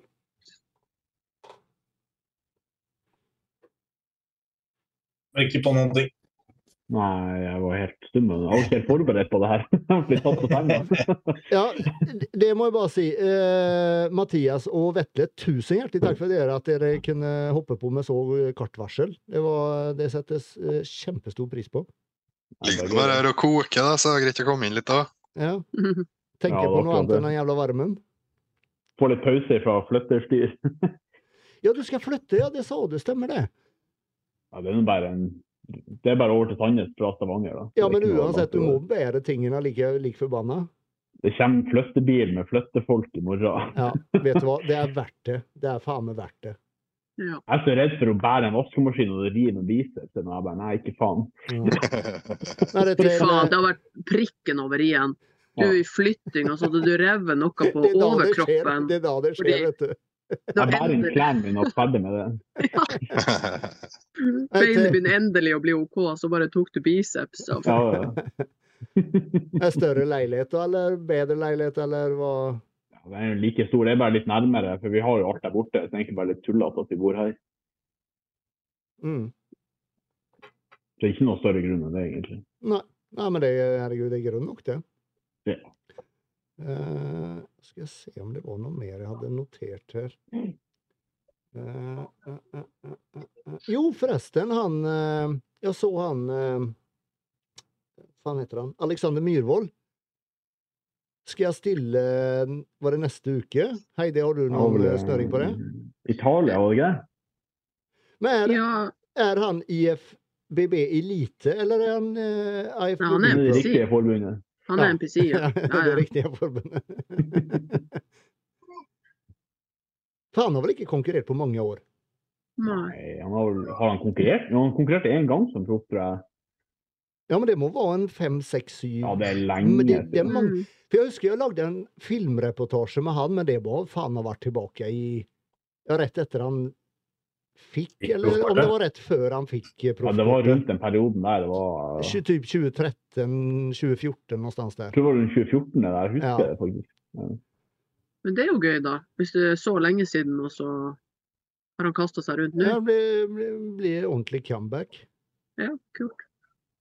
Han så, eh, så bra ut, det jeg har sett på, eh, på Instagram. Så lenge han treffer inn bra på form og peak og sånn, så kan Ja. han gjøre det greit. Ja, Eh, han er jævlig Han blir jo ikke den største, men det er jo Nei. kanskje en fordel nå da. De kommer med vektbegrensning i mens fysikk fra neste år i Pro Mm. League. Mm. Og på tide. Mm. Ja, Få litt skille mellom klassene. Altså Helkiteren vil være svær, men du må fortsatt ha et skille, liksom. Men blir det stor forskjell i forhold til eh, classic fysikk? Jeg tror ikke det blir veldig stor forskjell, men det blir nok nok forskjell til at det kanskje skal prøve å vises litt. Ja. Det som gjør det, eh, gjør det kanskje dumt, det der, det er jo at mange av dem slutter å trene bein for å gro mer overkropp. da. Det kan jo være en, en Mm. bakdel med det. Men de sa jo at de hadde på en måte noe for at det ikke skal skje. Men jeg skjønner ikke helt hva de skal gjøre da. Men eh, Men det har jo noe med linjene å si, på en måte, når Ja. du står i, i, i framforalt frontposen. da. mm, mm. Du ser jo jævlig godt ja, om noen har trent bein eller ikke. Og de fleste som er i toppen her, de har jo Du ser jo at shortsen er fylt ut, liksom. Nettopp. Mm. Så, ja. Det er jævla teit ut at de ikke gjør det, i hvert fall. De får jo lov til å bruke tighte shorts òg. Ja, ja. Ja, ja, ikke sant? Ja, det er ikke lov i IFBB, eller? Nei, de skal være løse, ja. Lusfitt. Ja, loosefit. Ja. ja, men jeg tror det er bra å få et eh, mer, mer distinkt skille der mellom Mm. Absolutt. For hvis ikke så Altså, det har jo bare Dere ja, ser nå De er utviklingen det har svære, noen av gutter. Eller de, alle, alle Ja. gutter, mer eller mindre. Det er jo flere det der blir- kunne stilt Du kunne nesten stilt i tungvekt i Norge. Ja, ja, ja. Liksom. Ja, du kunne, ja, ja, uten problem, liksom. Ja. Det var litt artig. Han ene i klassen min på novice i Sverige, Mm. han som kom, han som kom på andreplass, Mm. han ble jo proff i mensfysikk. Jo, stemmer det. Det husker jeg. Mm. Jeg så jo alt det der jeg òg på streamen. Han var jævlig bra òg. Jeg har slått en proff, jeg. okay, Ja, det gjorde, det gjorde jo jeg òg. Hun der eh, jeg vant over på EM, hun var jo egentlig pro. Hun tok, hun tok jo fjerdeplass på pro-show helga etter, eller to helger etter, eller noe sånt. Det er kult. Det er kult å vite. Ja. Kreds. Mm. Vi er rå, Vetle. Ja, det Ja, hei, det Brutus var, NO2. hva, hva blir ditt eh, neste nå? For Du snakker jo litt om at du kanskje skulle kjøre høsten nå, men eh, du har bestemt deg nå, eller at det blir ikke? Nei, altså Hvis jeg kunne gått rett til VM, så hadde jeg nok gjort det. Men Det ikke er at jeg helt må sjukt at du ikke kan det. Det er helt sinnssykt. Jeg ble forbanna. Ja, Altså, liksom, jeg orker ikke å du, er best, du er best i Europa, for faen, og du kan ikke gå rett til VM. Det blir liksom som å ra ra lage regler bare for å lage regler, liksom. Det Ja, er liksom litt det gir sånn. no sense at all. De er jo liksom veldig opptatt av at man skal konkurrere hjemme først og Men eh, nei, så jeg skal ha Jeg, jeg har eh, bestemt meg for hva jeg skal gjøre, og jeg skal dele det når jeg NPC, NPC, NPC. Så jeg skal i hvert fall bygge neste høst, er liksom det jeg har tenkt. Men uh, jeg vet liksom jeg, jeg vet nøyaktig hvordan jeg kan se ut. Det er liksom sånn jeg har alltid hatt eh, Sånn som han Arnold snakka om det på denne serien, men det med Mm. visualiseringa. Jeg vet nøyaktig hvordan jeg kan se ut. Det er med- utrolig viktig òg, liksom. Å Ja. Og og liksom få den fylda og den massen på de riktige plassene, så vet jeg nøyaktig hvordan jeg kan se ut. Så det er liksom målet for neste høst. da, At det jeg ser for meg, det faktisk har jeg fått til. Det er jo vanskelig å jage et mål du ikke vet hva er. Ja, sant. Mm. Så um, jeg ser det liksom bare så sjukt klart for meg hvordan den fysikken min kan se ut. Mm. Så ja. Bare å spise. Gå rundt med magen. Ja. Vekt, vekt flytter vekt. En cushion for the pushen. Men jeg er jo så rar, fordi jeg er jo motsatt. Altså, Jenter pleier å legge på seg beina og på rumpa. Og jeg har jo enda markeringer i beina, og så har jeg liksom fett på magen. Fær rundt, så jeg får jo rundt som du som gutta har det. liksom. Ja, ikke Så jeg skulle heller ha fått litt mer på rumpa. Det, er det problemet løst. Og det Ja, ja. Ser litt sånn rå ut. Litt sånn cuts i Mm. beina, og så ingen som ser magen under skjorta. Ja. Uh, Andreas, en av noen spørsmål de kan bidra på? For de har begynt å spise her ute. De begynner å bli litt sånn småsure her. Ja, det høres ikke bra ut, Jostein. Det, det er dumt å ødelegge forholdet nå direkte sånn. På direktesending. Ja. Ja. Hun kommer inn og slår opp direkte på Gimbros. Eh, skal jeg se. Prøver å finne her. Eh, jeg hadde et jævla bra spørsmål. Jo, det var det jeg skrev ned her. Eh, da skal vi se.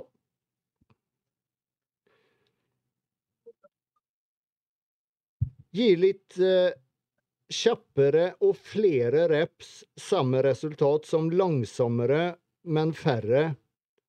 Eh, det vil si da i den eksentriske fasen. Eh, for eh, time and attention blir jo omtrent det samme. Eh, for det snakkes jo så mye om at alt skal være så optimalt, sånn i forhold til eh, hvilke øvelser man velger, utførelse, hastighet på repsa, etc., etc. Har jeg alltid klare, så kontrollerer kontrollerer den tilbake. Det er ikke så forbanna hokus pokus her, altså. Nei, men du ser liksom noen Det er så mye snakk om at du skal liksom kjøre tre-fire sekunder eksentrisk. Du skal ta den så jævla langsomt ned, ikke sant? Og så skal du eksplodere opp. Men, men Det er litt om preferanse, spør du meg. Altså, det er jo tusen veier til Roma, og mange veier funker. Det er jo bare å finne det som funker best for deg sjøl. Hva liker du å gjøre? mye opp i hva andre gjør, liksom.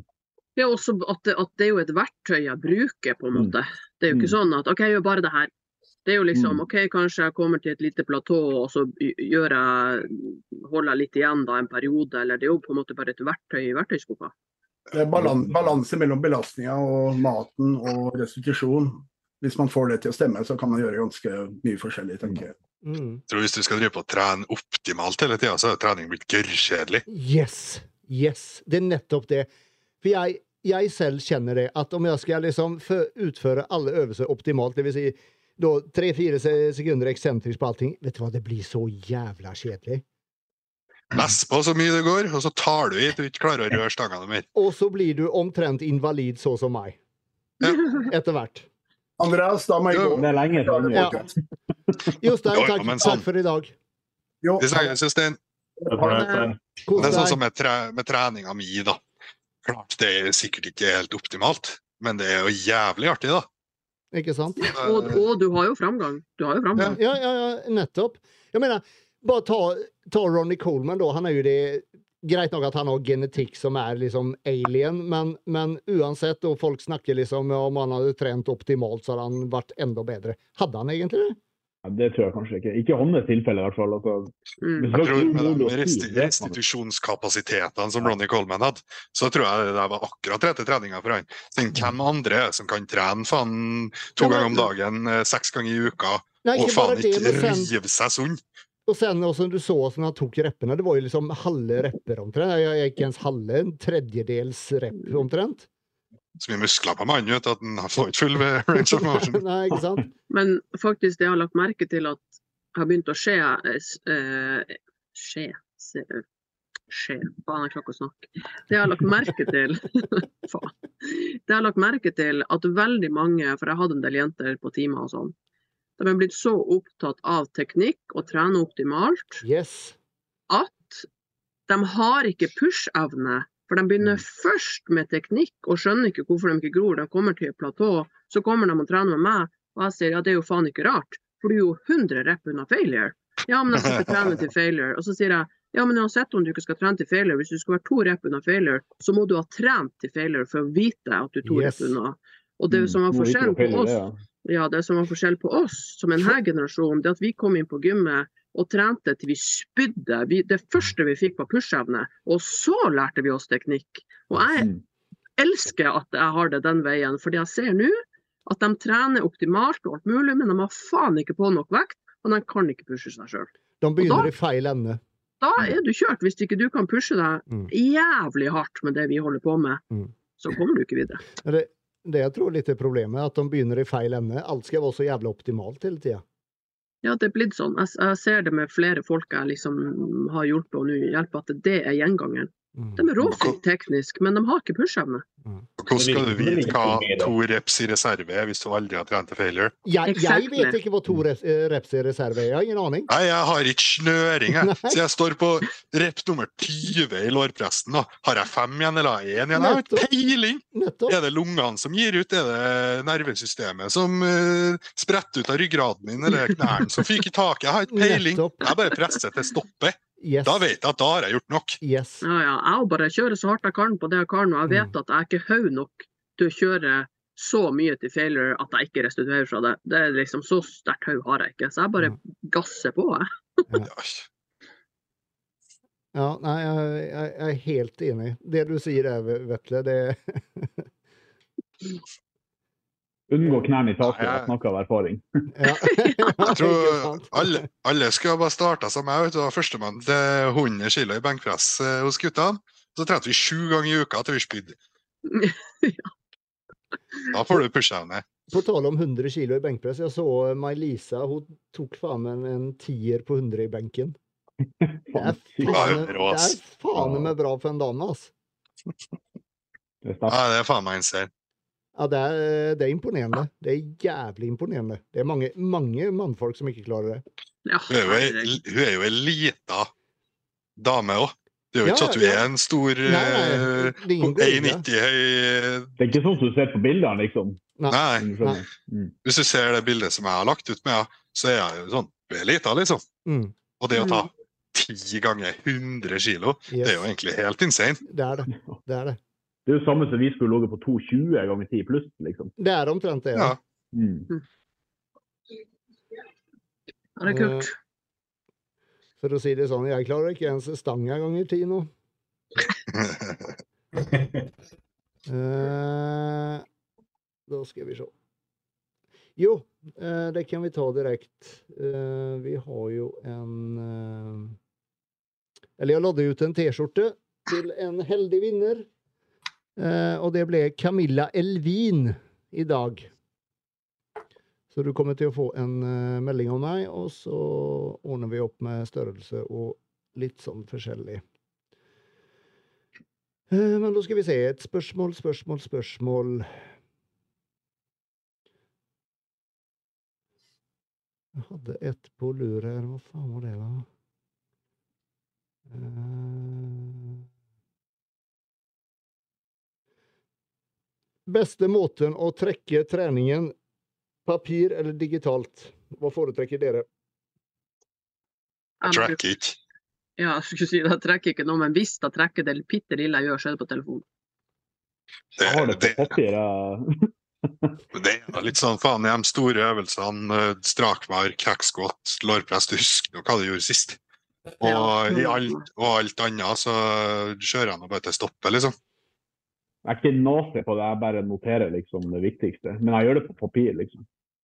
Så jeg tror det er litt Jeg tracker ingenting eh, sånn sett, men de periodene jeg har gjort det, jeg foretrekker å bruke papir ofte fordi at det, det kan være litt sånn ekstra ting å notere. da. Og Har man eh, noen eh, ferdigsatte maler og sånt å bruke, så er det ikke så lett å notere visse detaljer der sånn. Så jeg føler det er mer utfyllende og enklere å bruke papirform i stedet. Jeg tror hvis du skal tracke skikkelig, så må du leve et skikkelig sånn perfekt liv der du gjør eh, Du koster ikke en kalori hele dagen, og alt du gjør er trening, liksom. Det, skal jeg tracke, så har jeg kommet til å bli- syk i hodet. Siden si siden en dag på jobb, da, så har jeg stått og meisla betong i sju og en halv time. Da er det jo klart at det går utover eh, performance. Det er litt derfra også liker å trekke litt det for å liksom notere ting som har gjort at framgangen kanskje ikke har vært så optimal som jeg trodde. økt økt. Eksempel, å, den dagen sov jeg dårlig, den dagen rakk jeg ikke spise så mye jeg måtte før treninga. Bare sånn for å se hva som funker over tid. da. Og så kan jeg slutte å trekke når jeg liksom på en måte har funnet litt med oppskrifta.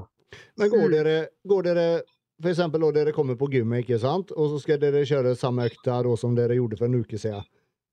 Går, går, går dere tilbake og ser hva dere gjorde sist uke, og hva som var gjort tidligere den dagen? Liksom sånn forhold og etc.? Eller? Det kommer litt an på om jeg husker eller ikke, da, selvfølgelig. Jeg tror jeg kanskje hvis jeg- En gang igjen. uansett. Jeg er nødt til å bryte her sånn, jeg, og så gi meg, Andreas. OK, Marius. Kos deg, eller kos deg. eh, Prøv å stå ut i varmen. Søren, nå skal jeg stikke på Oxygen og kose meg der, så det skal ikke være noe problem. Hvertfall. Og takk for i dag. Takk for for god, god sommer. Det er jo siste Gymbros i dag. Ja, god Yes, sommer. God sommer. til dere. Vi snakkes. Yes, ha det. Ha det. tror jeg hvis du skal drive på tracket sånn, så bør du jo sette deg mål før du starter økta.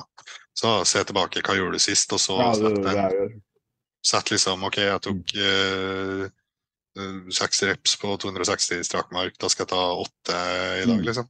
Ja, Så skriv, skriv du det ned før du starter, og så Mm. kan du ha enda en bolk der du skriver hva du faktisk fikk, da. Ja, for jeg har liksom eh, hatt forrige økt måte sånn, og så neste økt der, så jeg rett på forrige økt Mm. Mm. hva jeg gjorde der.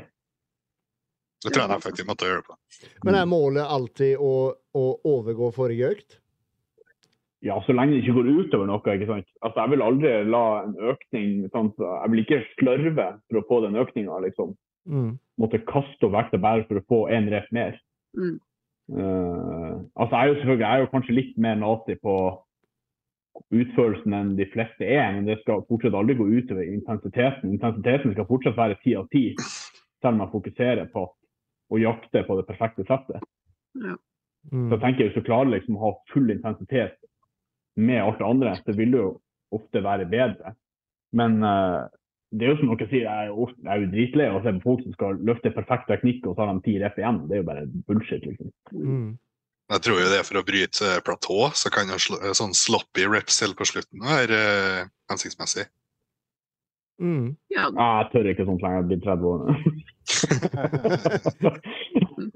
Jeg blir 48, jeg gjør det fortsatt på de øvelsene jeg klarer. Hvordan, hvordan har det gått med deg, Andreas? Nei, Hvordan går det med klypa?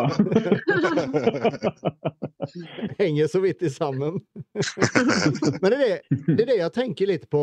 ehm, da jeg mener at man, man prøver å, å skal ha progresjon fra økt til økt, ikke sant? Og så la oss si da at du er en person da som trener så å si optimalt da, ikke sant? Tre-fire sekunder eksentrisk. Eh, langsomme, fine repper. Eh, og så skal du da ta en-to repper mer enn du gjorde sist gang på samme vekta, ikke sant?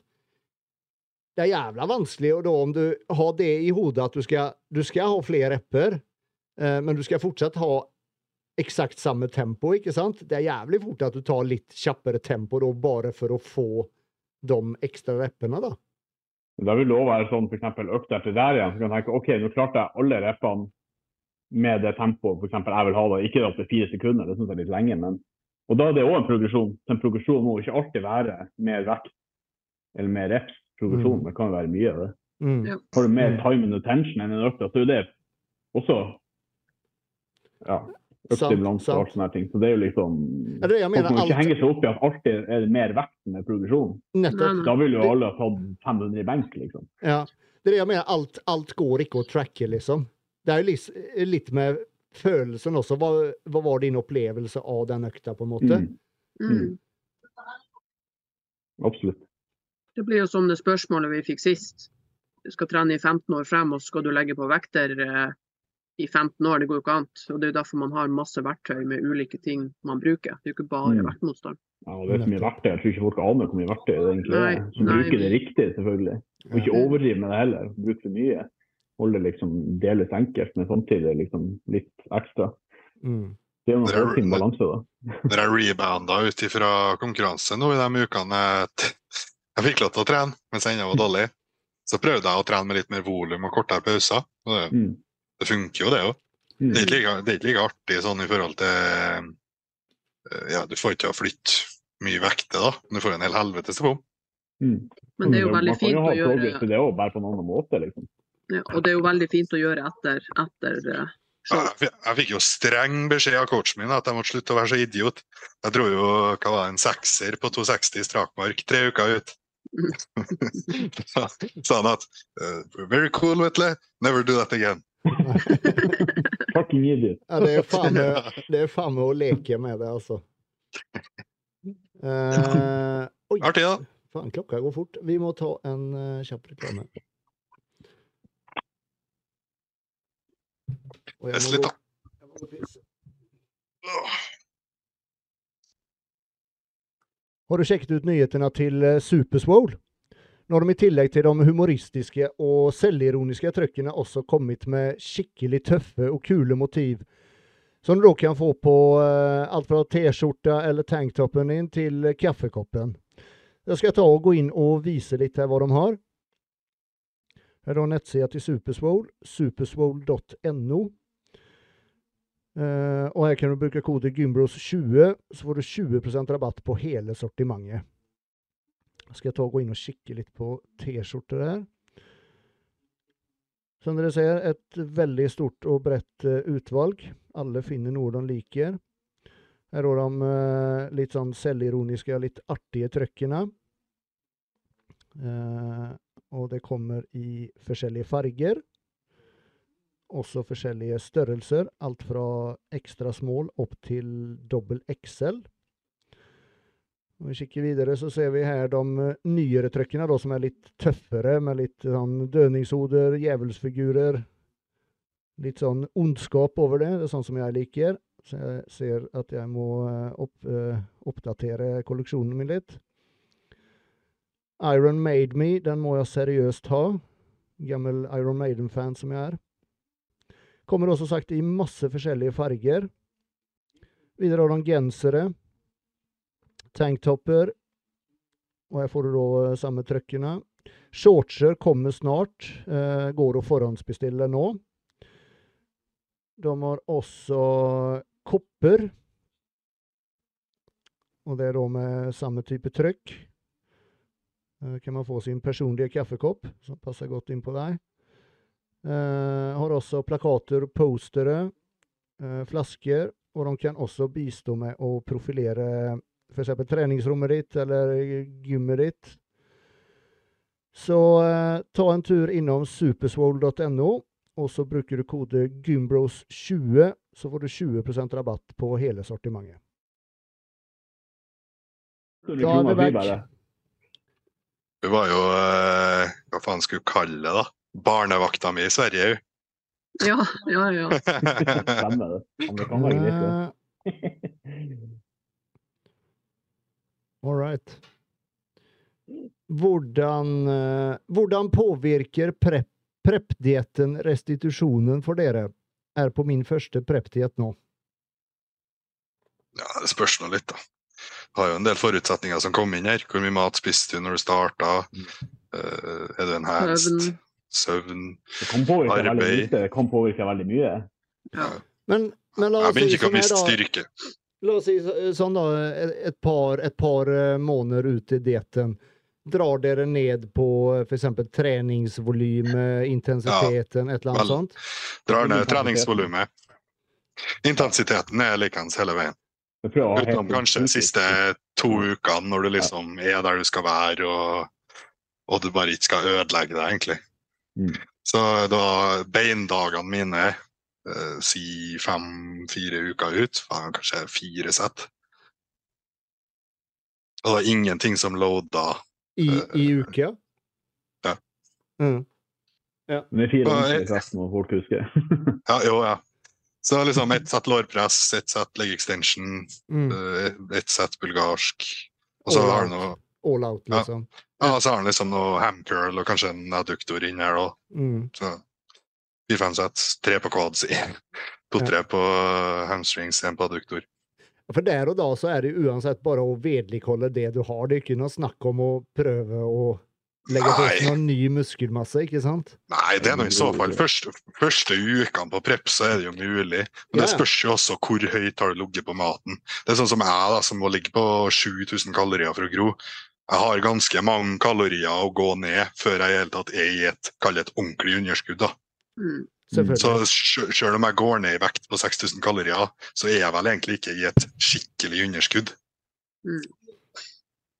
Ja, det, jeg kan ikke ha Jeg merker kanskje en måned før, jeg kan ikke ha intensiteten helt inn og sånn. Jeg er sliten. Altså, jeg er død, liksom. Så Mm. jeg går på siste tida bare på gymmet og trener gjennom kroppen, og egentlig bare for å bevege meg, for å bruke muskelen min. Jeg har Mm. ikke sjanse til å ha noe god intensitet, ingenting. Jeg er levende død, og sånn har det vært i alle år. Ja. Du trenger bare stimuli. vi, Mm. vi har snakket litt om det tidligere. Og, og du for eksempel, Heidi, går ned veldig på styrke og sånn til, til på slutten. ikke sant? Roger Mm. går ikke ned på styrke noe særlig. Jeg gjør det heller ikke. Det er bare at selve utholdenheten, den, den går ned. liksom det hvor mye du klarer å, å, å pushe det samme, på en måte. Hva med deg, Vetle, og hva med deg, Mathias? Går dere ned noe særlig på styrke? Nei, det er bare litt mot slutten. bare litt pratt. Det pressstyrke jeg merker mest på. Ja, men det, det tror jeg mest er vekta, altså. Siden det er press, er du tung, så er du sterk. Mm. Så enkelt er det her, altså. Mm.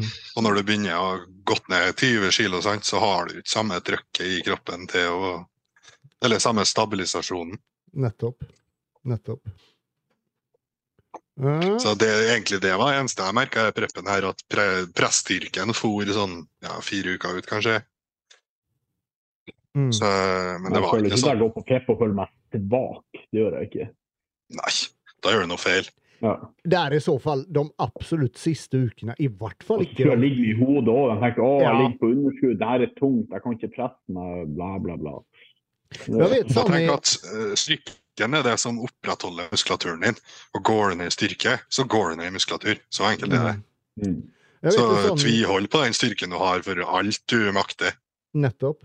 Og jeg vet jo sånn i gamle dager så var det jo veldig Da var det veldig snakk om at du, eh, man på en måte da når Så fort du begynte på prep, da skulle du liksom begynne å kjøre mange flere repper enn hva du gjorde sånn til vanlig, da, ikke sant? Men, Supersett og Ja, dropsett Ja, og ja, ikke sant? Med old school way. Da måtte du ha høyrep.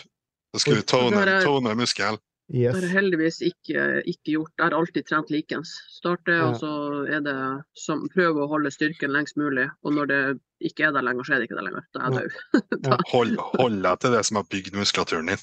Nettopp. Mm. Nettopp. Det er det, det, er det du er god på. Ja. Ikke begynne å gjøre om på øvelser, ikke begynne å gjøre om på ja, Bare hold det sånn som du har hatt det. Mm. Eh, Og ikke minst i starten skal man jo føle seg bra. Jeg syns det er altfor mange som veldig tidlig liksom begynner å føle noe. Mens når jeg begynner på diett, så føler jeg meg jo bare bra. Jo, Mm. men For alt er perfekt, liksom. Men Mm. er det egentlig at de, de jeg tenker det er de som ikke har konkurrert før, som har hørt så mye at ja, det er så tøft å gå på diett og dette, ikke sant? Ja, kanskje. Og så begynner de på prep, og så sånn mentalt så blir det bare at å, fy faen, jeg er sliten, å, det dette er tungt, og det er så fælt. Du har meldt deg på sjøl, så hvorfor skal du gå og sutre? Nei, nei, Ja, og nettopp. så er det ti- og så er det tidlig, f.eks. en og en halv måned på diett, og så begynner du allerede da. Og det, det er tidlig, altså, Ja. å begynne å klage. Det er jo Jeg er jo tilbake til mindsettet, da. ja. Jeg syns Ja. du skal klage i det hele tatt. jeg. Nei, helst ikke. Nei, det er ingen som har Det er deg. Over det. Jeg er helt enig med deg, Det er jo vet et du. Det er ingen som privilegium å ha tvinget det. ressursene til å holde på. Ja. Så hvorfor skal du gå og klage for at du får lov til å holde på med det her? Mm. Det er ingen som tvinger deg. Ne- Nettopp. Nettopp. Det er helt selvvalgt. Eh, jeg vet ikke om dette spørsmålet er kødd eller om det er eh, alvor, men anbefales det å holde sceneform gjennom hele sommeren? Selvfølgelig. Nei. Nei. Bli bælfeit med en gang. Bli kjempesterk. Ja, Gjør som Ja. Heidi. Gjør som Heidi. Ja, men jeg kødder ikke. Altså, jeg skulle ønske da jeg var ung at jeg skjønte greia. Fordi fy faen, da holdt jeg jo alltid sånn Jeg skulle holde formen litt og Fy faen, to uker etter konk så hadde jeg fullt med energi igjen og kunne bare gå og gasse på på gymmet. Det er jo dritdeilig. Mm. Istedenfor å dra det ut i månedsvis, at du er sånn halvveis eh, Jeg tenker Første prioritet etter konkurranse er jo å prøve å komme seg til en viss normal. Så klart, du trenger ikke å øh, spise alt som eksisterer og rasere insulinsensitiviteten din og appetitten din. Men det å komme seg til normal der Jeg får til det føles ut som i hvert fall i starten. Ja, og normal, Ja, det er sånn. Mm. ja, og Rett normal energi. så var jeg på et heftig overskudd. Vi økte bare maten opp Ja, ja. til 5000 kalorier, liksom. Samme her, Mm. jeg økte som faen. Men òg at det, der, det ikke bare tenker kropp, men liksom tenker energi. Jeg tenker jo sikkert ekstra mye over det, for jeg har utmattelsessykdom.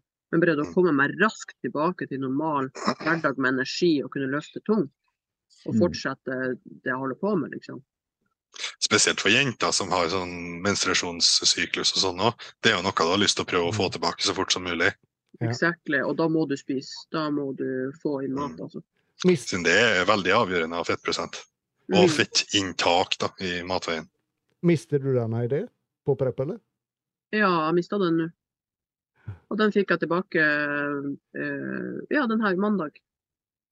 Så Altså, det er jo Så det tok en god, god, en god måned før jeg var Mm. tilbake, liksom? Til, mm. til normalen?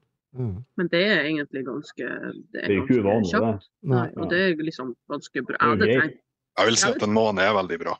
ja, så jeg tenkte det det kanskje skulle ta ja. Jeg tenkte det skulle ta en måned til, liksom. Så det er, det er bare enda et bevis på at det jeg har gjort denne gangen, det er, det er bra for meg, liksom. Men det tenker jeg et, må jo være en, et, eller veldig godt tegn da på jenter når dere på en måte er tilbake til normalen. da. Mm. Det er jo når, når det kommer tilbake, da. Ja, hvis man mister det. Jeg har ikke mista det på alle Ja. dietter, liksom. Men Nei, eh, nei. Uh...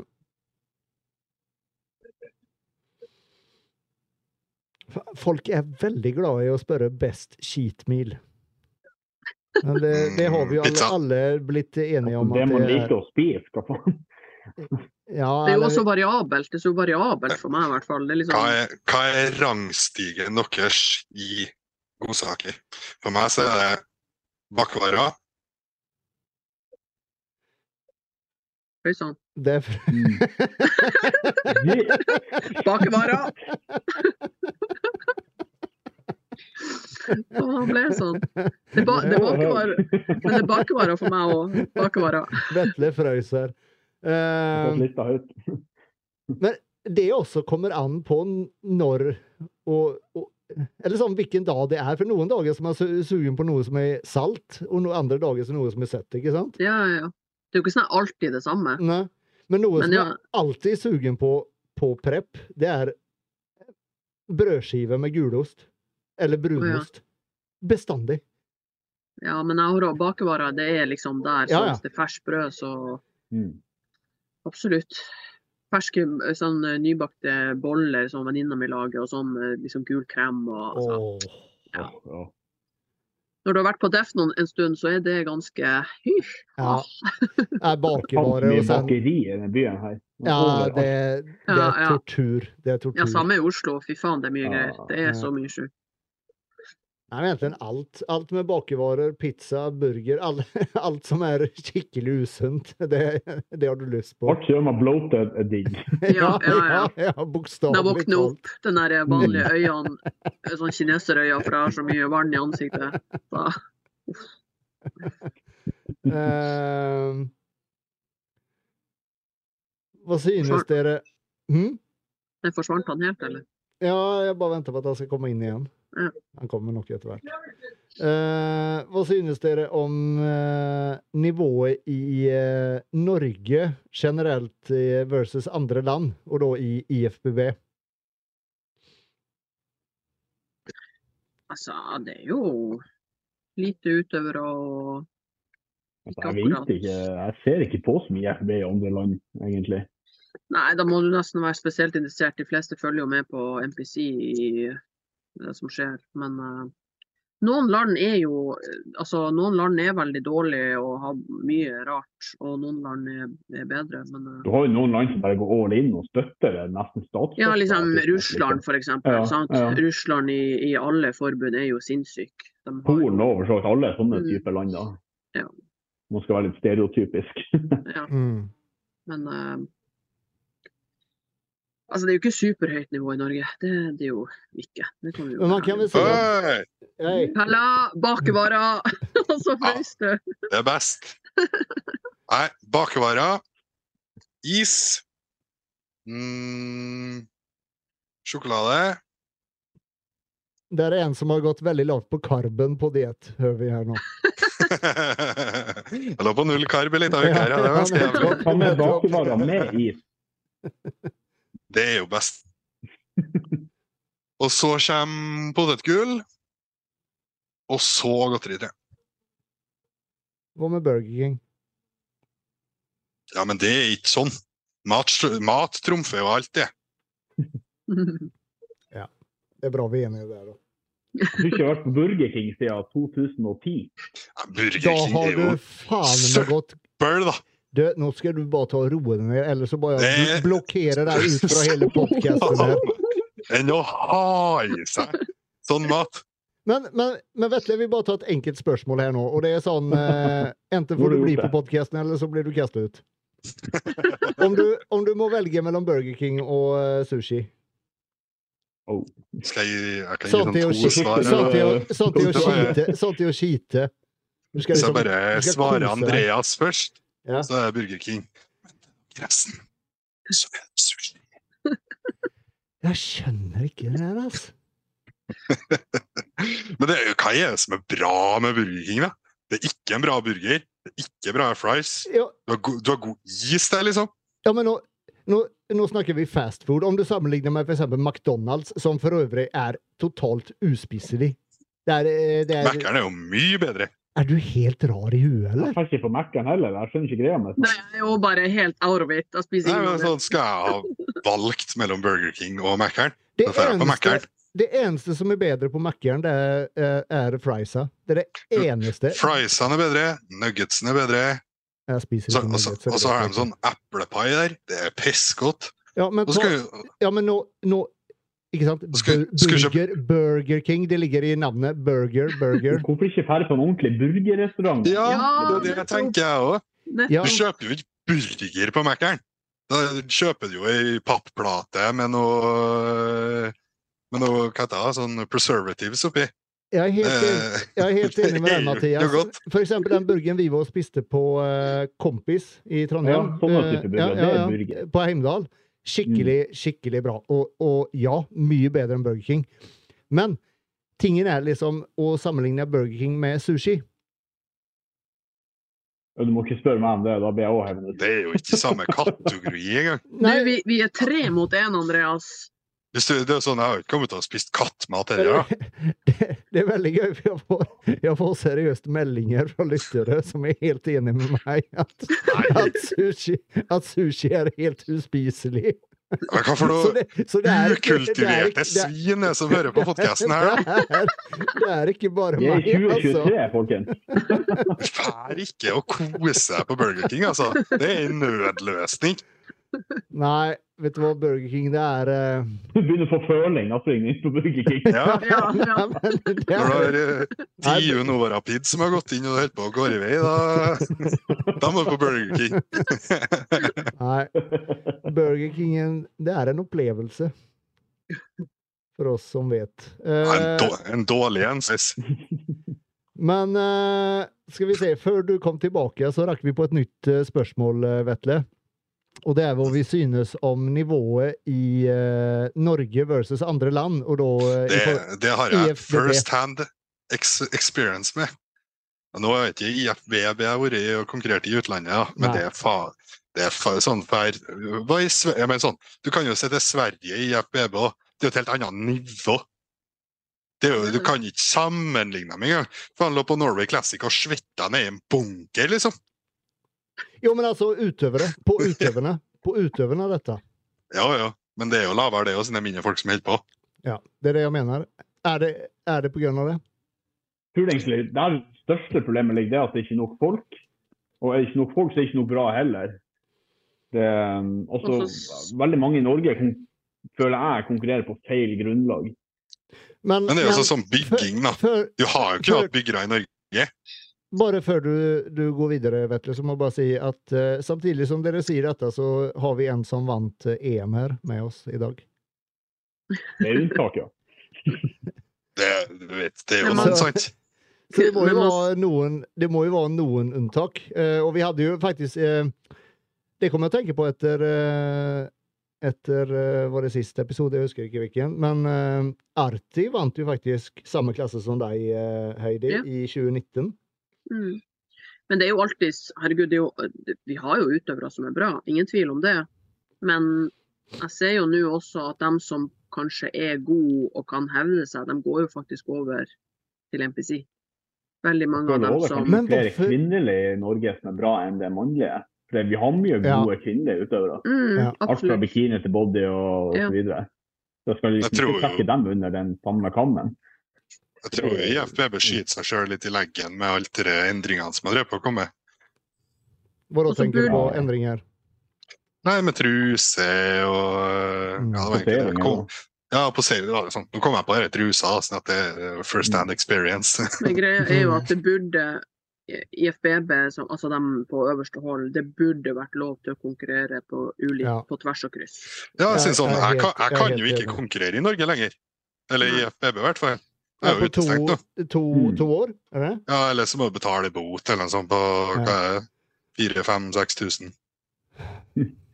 Ja. Altså jeg tenker Når det er en så liten sport, og sånn, så i hvert fall i Yes. Norge, så Mm. burde det virkelig vært lov til å konkurrere på kryss og tvers. Fordi det blir mindre og mindre. Vi ser jo liksom at det ligger på sånn 100 utøvere i FBB i Norge. Det har jo liksom, gått Det er halvparten nå mot hva det var før korona, ikke sant? Mm. Ja, ja, det er veldig Og det Altså, tenker Vi alle vil jo det samme. Vi alle liker å holde på Mm. med det samme. Det er ikke sånn at jeg holder på med jeg jeg holder ikke på å konkurrere for at jeg vil i NTC. Jeg vil konkurrere for å bli best, og da Mm. kommer jeg kanskje dit. Ja. mm, Så liksom, Alle har jo det samme målet, så hvorfor ikke la alle holde på med det samme? Ja. Men si sånn som til høsten nå, da.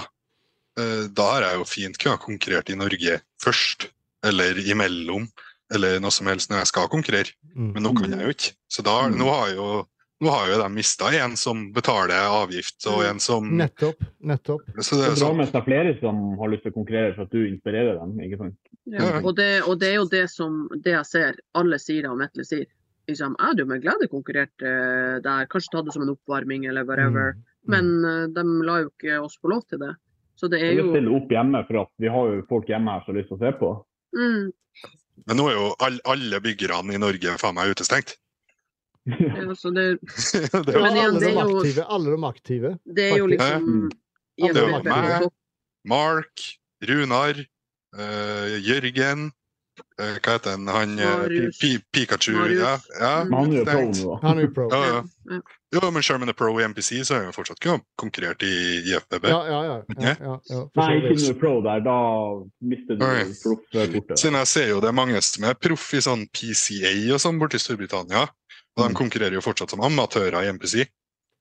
Ja. For eksempel han Dean White. Han var jo PCA pro. Mm. Mm. Ja. Men han er ikke det nå lenger, tror jeg. Han har vel sagt det fra seg nå. Hvis du tenker på han 212-byggeren Ja, han til en uh, Ben ja, Han er jo bare RFB Pro nå, tror jeg. Jo, jo, det skjønner jeg jo. Det er jo mer Ingen vil gå tilbake etter å ha kommet dit, liksom. Nei, men han var jo proff et annet sted først. Ja. Men ut fra hva jeg har skjønt, så er det så er det litt opp til hvert enkelt land om de velger å ha sånn, sånn karantene, utstengelse. Siden i Sverige så er det ett år. Ja. Ja, man, jeg tror man kan velge hva som er konsekvensene, men IFBB på øverste, hva skal jeg si, ja. de på toppen lar jo ikke det skje at, at man skal krysse over. Jeg tenker jo, Hvis en utøver i Norge velger å bytte over og stå tilbake, tror du dem i hovedkontoret i Spania får det her med seg en gang? Det jo ikke Nei. Men jeg husker jo han eh, første gangen jeg konkurrerte, eh, så var det jo en som for fra MPC til IFBB, han Barclay. Ja, Barkley. Ja. Ja, ja, stemmer. Og var jeg tror, tror ikke han betalte en bot. Nei, det var fordi det kom nye regler i 2020, så alle fra Ah, ja. 2020 ble regna som nye medlemmer. Så derfor Marius da, Ja, Marius sikkert Åsmund var samme. Det var akkurat Så det der. Ja, så det var en sånn her Ja, bla, bla, bla. Mm. Men, uh, men det er klart, det, selvfølgelig blir nivået prega av at det er få utøvere. Sant? Det, det sier seg jo sjøl. Mm. Ja. Og jeg Men det betyr ikke at det trenger å være mindre potensial rundt omkring. Så folk må liksom ikke ligge hjemme og deppe for at det er lite utøvere i Norge. Folk må bare Nei. kjøre på og, og liksom gjøre det man har lyst til. Men jeg Mm. tror òg at det er mye, som du Mathias sa, at jeg tror det er mange som konkurrerer på feil, feil Mm. premisser. Jeg tenker bare hvor Mm. mange jeg møter på. Jeg merker jo når de snakker, så skjønner jeg jo liksom at de er ikke sånn som vi fire som sitter her, liksom. Det, det er Mm. liksom Og det er klart, da, da får du ikke den fysikken kanskje heller, fordi Jeg tror for mange så er det jo litt sånn bucketlist-greia, Bare gjort det. Ja, få bilder på Ja. Instagram. Ja, så er det er greit nok at du har lyst til å teste det ut bare for å teste det ut, men du skal faen meg fortsatt gå inn 200 selv om du skal bare teste ut vannet litt. Grann. Mm. Jeg ser jo ikke vitsen i å gjøre noe hvis- med mindre du skal gjøre det 100 Men jeg mener som vi, som alle oss fire her, jeg mener før vi ens kom på tanken og konkurrerte, da hadde vi vi hadde vært og sett på konkurranser. vi hadde Mm. fulgt med på konkurranser. vi hadde liksom lest No. blader. Ja, vet du er 23. Ja, ja, ja, ikke sant? Men- jeg fikk beskjed om at jeg burde stille, og så var jeg sånn OK! Ja. Jeg visste ikke hva bodybuilding var. Men du har i hvert fall fått opp den interessen nå, da. Ja, jeg ble bitt av basillen. Ja. Men, men, men veldig mange har ikke ens peiling på, på, ja, på Olympia og de her tingene. Eh, Hvem som er de beste i verden. Ingenting. Mm. De skal bare på den scenen for å få noen bilder på Instagram, og liksom Det er målet deres, på en måte. Mm. Og selvfølgelig, det drar jo penger, men uh, da blir ja. jo nivået deretter òg. Men uh, Mm. Mm. Og da blir det ikke penger heller lenger. ja. Tenker jo Så lenge de som faktisk eh, er villige til å gjøre jobben, fortsatt kommer inn, så har det ikke noe å si at de som ikke bryr seg like mye, er med. Siden det er jo som du sier, det er jo penger. Og. Og forbundet trenger jo penger. og ta bare en sånn enkel ting nå, da, som, som Heidi, ikke sant, som vant eh, Sandefjord. Hun vant eh, Norway Classic. Du vant faen med EM, masterklassen, og du hadde tredjeplass i, i senior, ikke sant? Bare en sånn enkel ting som at du nå ikke kan liksom Du er liksom ikke direkte kvalifisert til, v til å være med i VM. Det er helt latterlig. Bare tenk en sånn enkel ting som at om du nå kunne gått direkte for VM Bare lagd en sånn, sånn oppfølging på deg nå, liksom følg Heidi fram mot VM, ikke Mm. For du er jo litt av en sånn altså, I miljøet da, så er du litt av en folkehelt, Heidi. Du, er, du, er, du er et populært fjes. Det er mye content å hente. Der, Ja, altså. det- Hvis du er tenker sosiale medier, som faktisk er en stor del av sporten her, det er enten man vil eller ikke. Det er største delen der det her. Det er Det er største markedsføringen de har. Mm. Men det er jo der jeg også har vært sånn veldig at det, den, det er jo det jeg har prøvd å dra litt sånn. Det, det, alt det der. Men jeg føler, har følt meg veldig alene i det, da. Fordi Ja. fy faen, sosiale medier er den kanalen vi har. Det er der Mm. det må pøses ut. Det er der alt må Yes. rekrutteres. Det er der det må være Jeg mener Så- som allting som du legger ut på din egne profil, ikke sant? Og det er så mange Jeg regner med du har ganske mange som, som følger med på din story hver dag. Ja, og bare at jeg får jo veldig mye meldinger med ting Nettopp. når jeg legger ut noe. Nettopp. veldig mye respons på alt, liksom. Ja. Så Så jeg mener da bare det å, å nå følge deg da fram til VM, som er i september, oktober, november ja, oktober kanskje. Ja, ja ikke sant?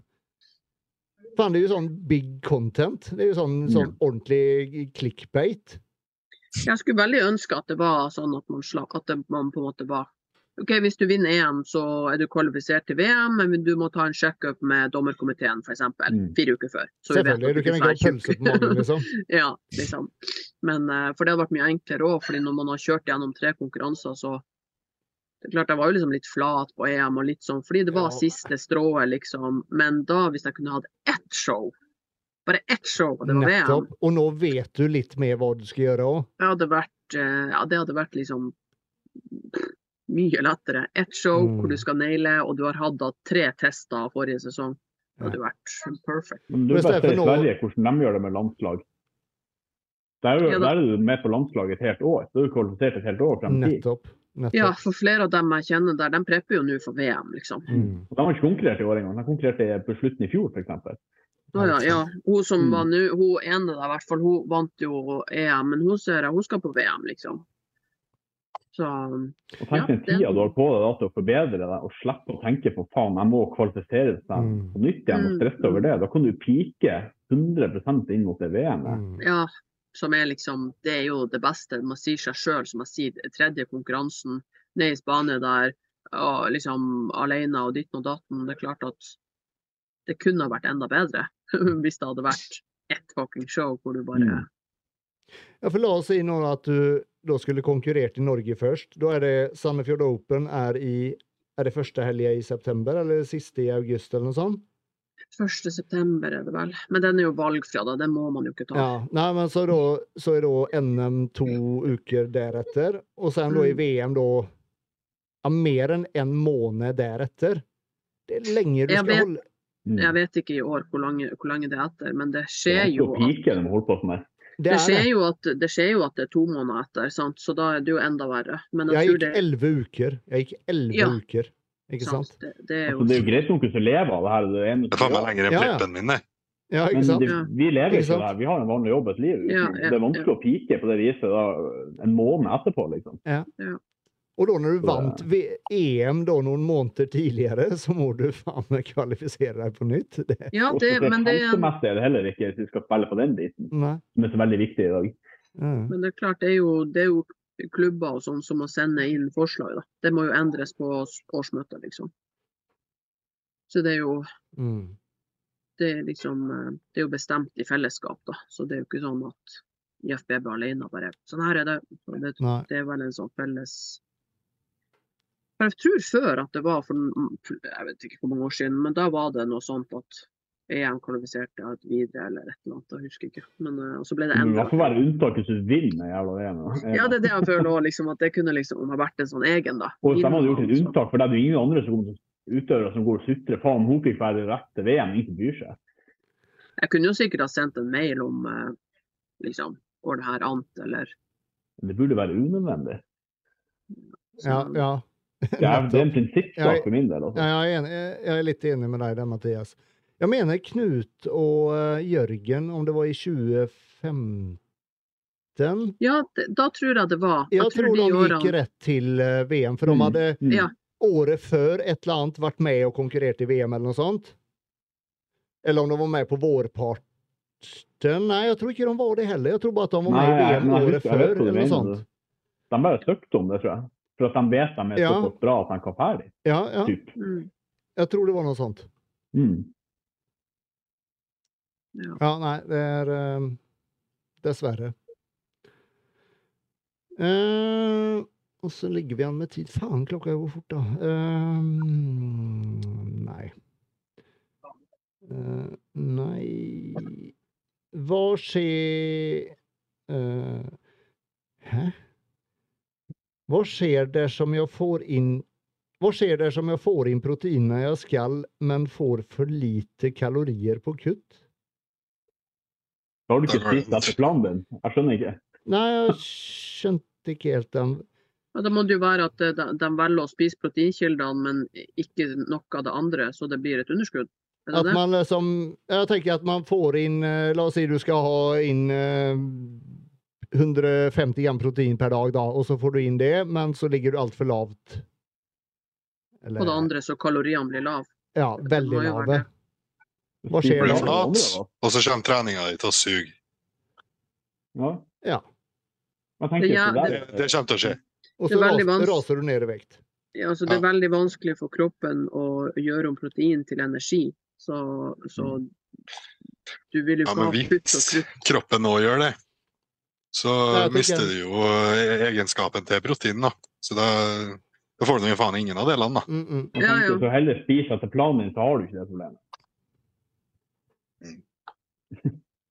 Men jeg tror også mange er jo veldig fokusert på å spise nok protein, og så skjønner de ikke at ja, men det er jo f.eks. karben jeg spiser som gjør at jeg har energi Mm. og power på trening. Det er jo ikke, det er jo ikke proteinet som gjør at jeg bare fy faen, i dag føler jeg meg dritsterk. Det var ikke, det var ikke kyllingfilet. Altså, jeg prøver å ha 50 av karbohydratet rundt treninga, som før, etter og under. Mm. Ja, jeg skjønner. Ja, det er fint. Altså, liten regel i hvert fall. Det er ganske jævlig når jeg ligger på 1000 gram pluss karb. Å, gud. Gjorde ikke du også det, Mathias, en stund når du var så jævlig rund i trynet? Ja, da drakk jeg mye karb rundt treninga. Ja, ja, ja. Husker det. Ja, På det høyeste så har jeg hatt uh, 50 uh, sånn karpulver. da, 50 uh, pre, 50 intra, 50 post. Det var dyrt. 50. Og Clusterextrin òg.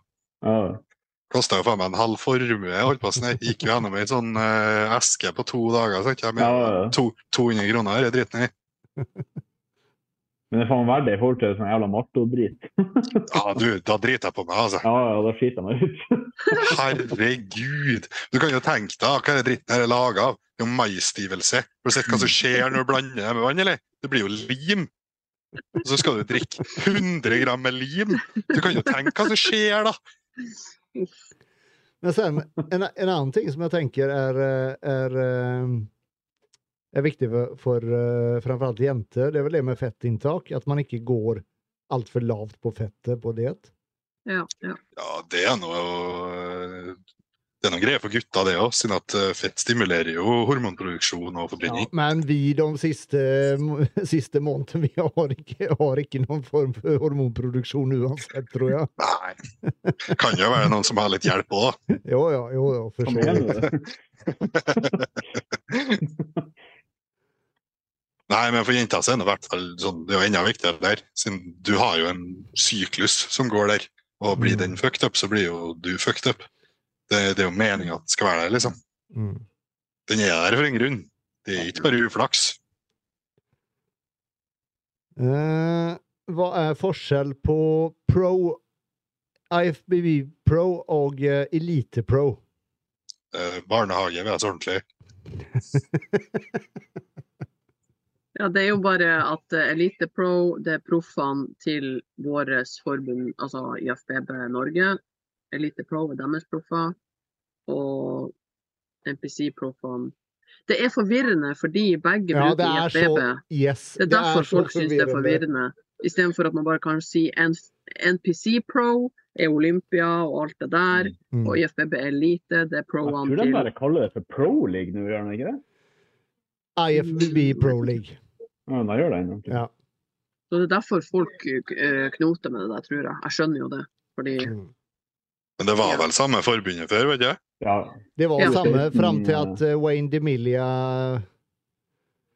ja, Det ble noen greier der. Hva faen var det som skjedde der, egentlig? Jeg husker ikke. Hva det var. Hovedgrunnen til det her, det var jo et par utøvere som hadde blitt utestengt for doping i IFB Elite. Og så fikk de lov til å gå over til NTC og starte en pro. Og det her ble en jævla krangel. Å ja. Og den ene proffen der, det er han Kamal El Ghani. Han vant Arne Classic og Olympia etterpå.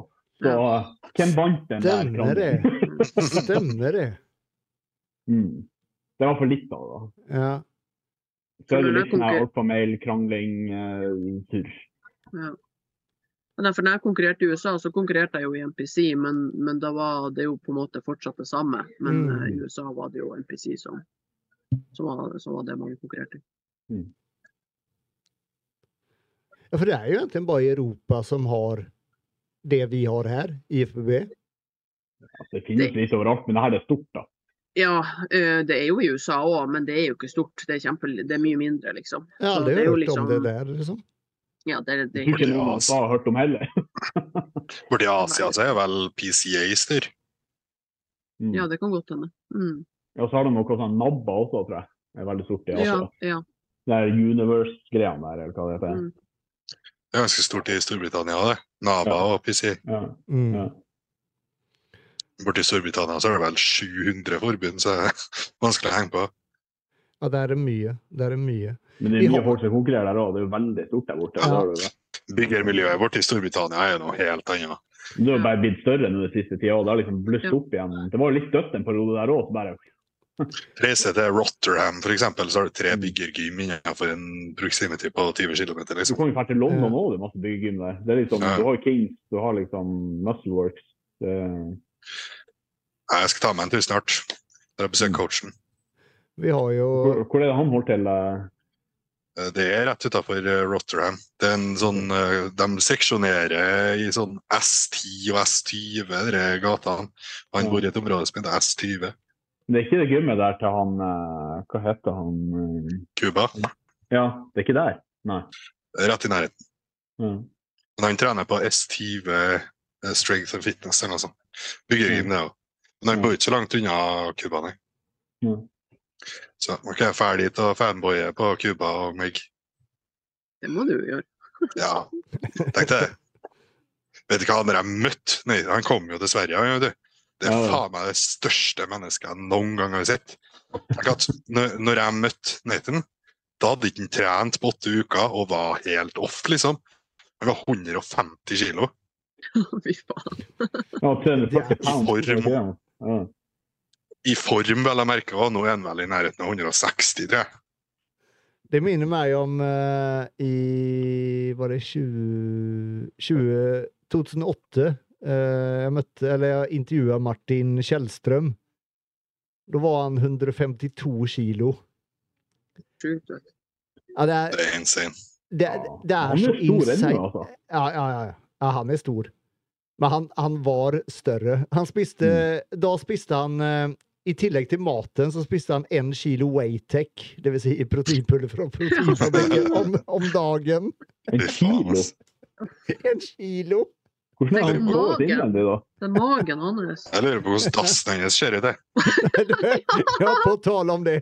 På tale om det. Han var i, i 2005, så eh, Når jeg bodde i Sandefjord, så var han Så kom han og besøkte eh, eh, Progym der, og tok en treningsøkt sammen med Jeg må bare le litt. Fy faen. Med Thomas Stelander. Eh, og da var han typ sånn 140-145 kilo, ikke sant? I, I ordentlig god form. Og så det, nettopp det, det du sa nå, vet, du, vet du, så gikk han på do. Å, fy. Hørtes ut på gymmet. ja. Ja, det hørtes ut på gymmet. Og det var helt Det gikk, det gikk ikke å gå inn på i gardero, garderoben engang, for det var helt så jævlig. Lukter kjemisk. Ja, fy faen, altså. Men Ja, whatever eh, it ja. takes, hæ? ja, fy faen. Han, han, eh, han kjørte hardt, for å si det, for å si det mildt. Det jeg tro på. På alle annet som var, noe annet som var ganske kult på ferd til Sverige, det var jo at det var så mye der. Så jeg fikk jo møtt uh, Branch Warren, Darren Farrell, Ja, Keon. Pearson, Min James favoritt, Hollingshead. min favoritt er han Keon. Det er min, Vet han, min er, han er så kort, han! Den, Ja. Og Har dere sett Hvor brei er han, da? Den fysikken hans er det helt Men det, det som er greia, sånn Første gangen jeg møtte han, så hadde han på seg klær, og da ser han ut som en liten gutt. sant? Og så tar han av seg, og så ser du den runde muskulaturen som bare sprenger ut. Og så tenker du sånn, hva faen, hva veier du? 300 kilo, liksom? Nei, fy faen. Og Det- de siste, siste seks veier ikke 100 månedene. Nei, nei. Var- jo jeg var jo tyngre enn Mm. på scenen. Mm. Men allikevel så ser han ut som han gjør. Jeg er. Jeg gleder, meg. Ja. så sjukt til å se han på Olympia, for den fremgangen han har hatt nå den siste tida Dæven, jeg gleder meg. Han må bare bare komme i form. Han må Han må komme i form, ja. form. Ja. Satan, altså. Jeg blir så irritert. Ja. Han er gjennom en eh, Patrick nå, da, så jeg tror han får han i form. Ja. Men han sier han sliter litt sånn oppi topplokket på diett. Det er sånn flex, flex, flex wheeler-tendens. Ja, jeg tror det er litt mentalt, det der uh, greia. Jeg tenker det er alltid det som gjør om du kommer i form eller ikke. Det er det Mm. mentale. Ja, ja. Mm. Ja, ni av ti ganger. Veldig mye, i hvert fall. Mm. Han er en av mine absolutt favoritter. Så Ja, fy bare, faen. Den ramma, den Ja, ramma er det- sjuk. det er så, det er tegne, det er jævlig kult. Veldig sånn stille, sjenert fyr, da. Det sier ikke så veldig mye. Trenger ikke å si så mye. Nei, jeg trenger ikke å si så mye. Så møtte jeg sånn som eh, Alex, for eksempel. Hun er jo fitness-olympien. Og hvem flere var jeg møtte? Og så er det jo alle coachene i hele verden. Så det var jo Callum og de guttene der var der hele pro, pro-coach-teamet. Ja. Ja. Mm. Alt av sånne svenske toppcoacher. og Det er jo liksom folk du bare følger, liksom. Så det er jo gøy. Jo- Joe, Ja. Joe Ballinger. Ja. Mm. Eh, Så det var liksom sånn ja, Det er som å gå på en eller expo, da, når du bare møter alle navnene som det er sånn det som var, er det var liksom. Det er sånn som det var i gamle dager, liksom. Når du for uh, I hvert fall når jeg var i USA og sånn, og du for på det. Det var liksom alle. Alle du bare har sett i magasiner, og alle. Det var liksom, De var på en og samme plass. Mm. Og det er jo Så det var- kunne være utøver og fanboy samtidig, liksom. Ja, ja, liksom. Jeg får Det er ut som en sånn guttkvalp på gymmet. Bare, «Ah». ja, men det er jo drit. Det er jo så motiverende. Det er jo sjukt Det er det. motiverende, Liksom kunne posere foran dem og spørre om deres tilbakemelding. Ja, ja, ja. ja, ja. Det helt Ja, det, gjør jeg jo, så jeg poserte Ja. sammen med Kion. Og jeg har posert med Kion, jeg har posert med Branch Warren, posert med Darren Farrell. Mm. Så Hvordan så Branch ut nå? han er stor, ja. Han er det. Han trener jo faen meg helt like. Det er jo ja. Det er som Tommy. Det er litt sånn Tommy. Han trener fortsatt akkurat likt. Så, så klart han. Han er jo ikke gigantisk lenger. Nei, nei. det er sånn, Han fyller ut klærne sine, ja, for å si det sånn. Mm. Går nå med de tighte Gasp-T-skjorta, eller sånn tight og tight. Den er tight, tight i armene i hvert fall. Og Texas-dialekt. Ordentlig Texas-dialekt og litt sånn brautete og Ja, ja. Så det høres ut som han er illsint hele tida. Ja, yes! det, det er nettopp det som skjedde da jeg skulle til å intervjue han, ikke sant? Og når jeg fikk en total brain meltdown, ikke sant? Jeg det ble- Jeg ble så Det ligger på Instagram. Jeg ble så jævlig eh, sånn type in, intimidated, som det heter på engelsk. Jeg ble bare helt satt Ja, man ut. blir jo det. Det er jo Altså, det er jo folk man har sett opp til. ikke sant? Ja, ja, ja. På lang avstand så står de plutselig der. Det er liksom, Hva faen skal du si? Ja, fy faen, altså. Nei, det er jo ikke skamvett. Jeg var i Sverige, så jeg ga nå faen i alt. Jeg bare, I want to take picture, I want to post with me. Jeg bare sånn, yes, yes, yes, yes. Det var ikke noe å holde, det var ikke noe å holde tilbake her, liksom. Altså, man står der i trusa, hvor mye mer eh, embarrassed skal man være? liksom? Det er jo bare å kjøre på. Ja, ja, Men det faen. som er så kult med, med mulighetene til NPC da, just det med den sammenhengen med, med, med liksom de gutta der da. Ja, Med Det er, jo det, det, som, ja. det er jo det som frister mange, og det er jo det som gjør at mange føler at det er det ekte. Det er jo fordi det er dem man har på en måte sett opp er- Man må ikke gå Det inn er for Olympia selv om man til Nei. Nei, nei, nei, nei, nei. Men det er jo ikke å komme unna at det, det er jo de beste i verden. Mm, det er det. Er, Skal du bli best i verden, så er det ditt du må. Ja, ja. Så- Men eh, sånn som det er på Gasp-stevner, det er jo ikke sånn overalt. Det der er jo må jo være noe av det beste stevnet som har vært Ja, de eh, arrangert. De er jo bedre backstage enn Olympia, så flere holdt det. Ja, Callum la ut en video om det. Var han sa? Ja. Ja. Backstagen på, eh, på den Gasp-konkurransen det var bedre enn Olympia. Mm. Du hadde jo et gym innpå her, for faen! Mm. Men dem som, han er Mika, eller ikke det han heter, uh, Ja. som er, altså, Mm. de gjør jo ingenting halvveis. De er, de er Ja. så flinke med det de holder på med at uh, ja. Jo, så er det sånn Du trengte ikke å betale en formue for å være med, du trengte ikke å betale en formue for å se showet. Det var liksom en konkurranse der det bare var kasta penger etter, og det skulle være bra, liksom. Mm. Mm, mm. Det får de også igjen for etterpå. Man må liksom tørre å gutse litt og satse litt penger. ikke sant? Da får du igjen for det òg. Ja, for de kommer garantert få enda flere deltakere nå neste år. Enda Ja. flere som kommer Ja. å se på, ikke Det sant? bare må se hvor stort det var i år kontra i fjor. Ja, ja. Altså, det er Og så har de på butikken her òg, der de selger. Ikke sant? Eh, Det var tomt når konkurransen var ferdig. ja. får du møte ikke sant, alle de folkene som du sier, liksom. Det er jo et stort trekkplaster. Var du noen gang med på Loaded Cup, eh, Heidi? Nei, faktisk ikke. For det var, jo- det var litt Det var jo litt av det samme. Han, han Mm. Stellan Bossen ikke Ja. sant, i Danmark, han, han Mm. lagde jo de jævla showa. Jeg husker det siste Jeg var Jeg tror jeg var på alle Loaded Cup som var. Og det siste han lagde i 2012 Da hadde han altså Det var Phil Heath, Dennis James, eh, Dana Lynn Bailey Uh, Hvem faen var det mer det var, det var liksom, Plex Lewis var der. eh, Ja, Plex Lewis. Det var liksom alle de store proffene som man fikk dit. Og det var jo et gigantisk stevne, men da var det jo da var det jo ikke MPC og, ja, og og Det blir jo egentlig det samme var det som nå, bare da, IFBB. bare på den tida der. ikke sant? Da var det alt under ett tak, liksom. Mm. Men Men du husker fra USA òg, bare de små konkurransene der. Det var Jay Cutler som var og, og gjesteposerte. mm, mm, Kom han blant der, og det var sånne små konkurranser med liten scene og alt. Ja, det var de guttene som kom og var liksom underholdninga i, i pausen. Mm. Så det, Det med å ha en gjesteposering på et show, det er jo dritkult. Ja. På, I Gasp der så var det jo Kion som gjesteposerte. Mm. Mm. Det, det var skikkelig kult. Men bare en sånn ting hadde vært girene å stå backstage da, liksom. Og, Det blir jo det, da. ja.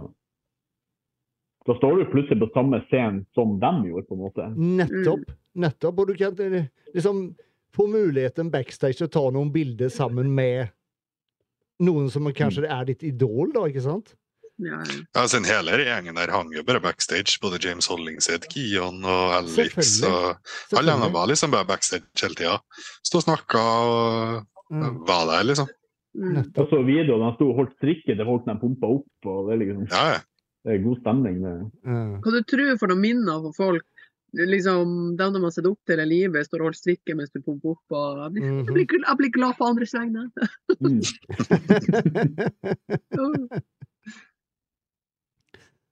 Ja, for det savner jeg, må jeg si. Jeg vet eh, i Var det 2010? 2011? Når Hassan eh, Nei, ikke Hassan, men eh, Soran og Soran og Klasbø, ikke? Nei, ikke Klasby, Nei. men før eh, Soran og Klasby eh, kjørte Norway Classic, eller, eller Norway Hva heter det? Han Lasse er det han tenker på. Nei, Soran og Glenn Ellingsen heter han. De hadde Norway Hva faen heter det stevnet, da? Norway Open, var det ikke? Ja, Norway Open. Det første Norway Open som var. Eh, da hadde de litt gjestesposører. Det var, eh, det var vel Thomas Var det Thomas Askeland som var gjesteposør? Sånn, greit nok ikke det verdens største navn, men allikevel en jævla god posør. Mm. Og det blir faen et helt annet show når du har en gjesteposør. Som kan posere, og som lager show, ikke sant? Men det som er dumt, at eh, body, bodybuilding blir utrydda i Norge. Altså, Ja. Det blir jo sakte, men gradvis. Det er det som er så jævlig dumt. Fordi det er der vi det er der vi kommer fra, på en måte. Liksom Med sør og det er kult, og så blir det bare mindre og mindre. mindre. Det er jo... Men er det ikke på vei litt tilbake? Jo, jeg tror det går litt rett vei nå. med tanke Jeg på føler det. Jeg føler det. Jeg føler ikke bygging, ikke open bygging. Nei. Nei, det classic bodybuilding det tror jeg aldri kommer ikke- bli samme som det var før. Men, men, men kanskje muligheten just for å ha en gjesteposør, i hvert fall. da. Ja, ja. Men det at ja, det er jo de- bare hva, Hvilken innsats man legger ned. Det er jo bare Herregud, det er bare å betale noen x antall tusen til å bare komme og posere, og så, så har du et så jævla mye bedre show. Mm. Og så Vi må ikke glemme at det er jo også et show for publikum. Det er ikke bare for at vi skal konkurrere mot hverandre. Det er et show for publikum. Yes. Og det er jævlig, det er det jævlig mange som glemmer. Ja, Mm. det er sikkert og visst. Ja, i FUB. Må la meg brøle litt. Ja.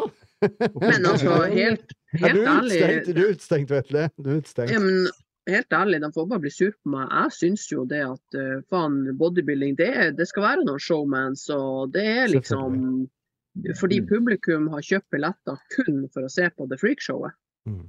Spesielt i det- postband i hvert fall. Det bør jo ikke være mye Ja, ja. bedre enn postband. Hva faen? Ja. Altså, jeg lag god stemning, lag show. Fy faen, folk var jo Bare når eh, du vet og Runar holdt på, og publikum syntes det var dritartig. Jeg og Andreas satt jo også der og bare vi oss. Vi satt og lo, altså. Ja, ja, ja. Må enda prate om det her på gymmet. Ja, ja, ja. Begynte å pelke borti leggene mine. Da Ja. skal jeg vise deg ræva mi, jeg. for der er stripa der. Jeg elska det. Han bare ned på leggen og klappa Ja, det var så bra. Det var så bra. Trener du, trener du ekstra mye legger nå, Vetle? Eller? eller hva skjer? Ja, det gjør alltid, jeg, men han vokser ikke. Jeg har hatt samme problemet i 30 år, ja. Ja. Det er vel sikkert noe sånt som er så populært nå for dagen, med sånn nerve damage. ja. Funker ikke. Begge, begge leggene nerve damage. Ja, det funker ikke. Syntol neste, tenker jeg. Ja, ja. Kjør få med rapsolje. Mye billigere. Lukter fries når vi går bortover. Ja. Det er rått. Uh, skal vi ta et spørsmål til der? Kjør på. Bare prøve å finne noe bra her. Uh, nei Nei, nei, nei, nei, i hvert fall ikke. Uh, å, det var vanskelig. Mm, mm, mm, mm, mm.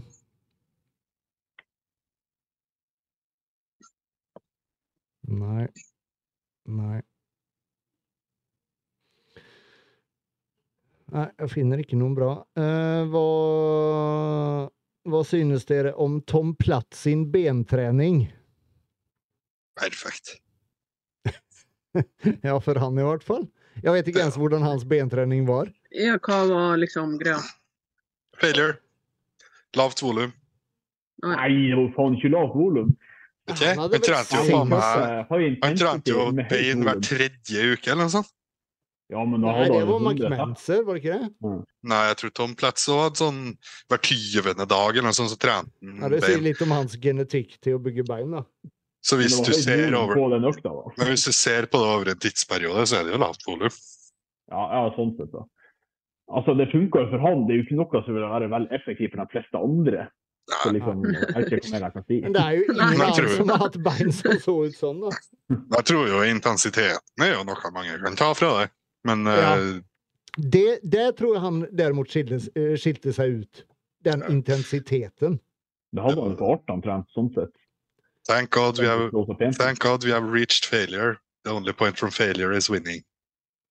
Jeg hadde Mm. jo eh, I forrige episode med gutta i Bergen, så, så kjørte vi jo eller, eller så hadde vi en video eh, For det er en, endelig en nå etter er det 30 år som har eh, slått hans rekord. Tom Platz sin rekord med 23 repper på to. Ja, det så jeg, ass. Du, tenk deg den, den rekorden har stått seg i, i, i faen meg eh, nesten 30 år. Hvor mange repper var det? Det 24. Han, han nå tok 24 på eh, 2,40, og Tom Platz hadde 23. Okay. På 2,40 i bøy, altså. Og det er ass to the grass. Jeg må finne det på, på nettet etterpå. Det er helt jævla insane. Og han, han som korsryggen bare å høre på. ja, ja, men han, han, er jo på vei ut av skallen på 24. reppen. ja, ja, han som slo den nå, da. Han, og han som, han som slo den, er jo verdens sterkeste mann. Så det er en sterk gutt som slo den. Strongman, liksom. Ja, det er en strongman som slo den. Og han som Eh, vant nå sist, Yes, eller? ja, han uh, Michel Hooper, eller hva faen han heter. Ja, han franske. Nei, Eh, Canada. Ja, ja, ja. Han var uh, French Canadian, tror jeg. Ja. Yes. For det er jo mange som har prøvd, men så kommer de til sånn 20 repper, og så bare de, de går i bakken, altså. De besvimer. For det er liksom Allting bare blir totalt shut down. Ja, ja. Det blir så trøkk, vet du. Ja, ja. Det er det de sier, det. Trøkket på hele kroppen bare blir for stort.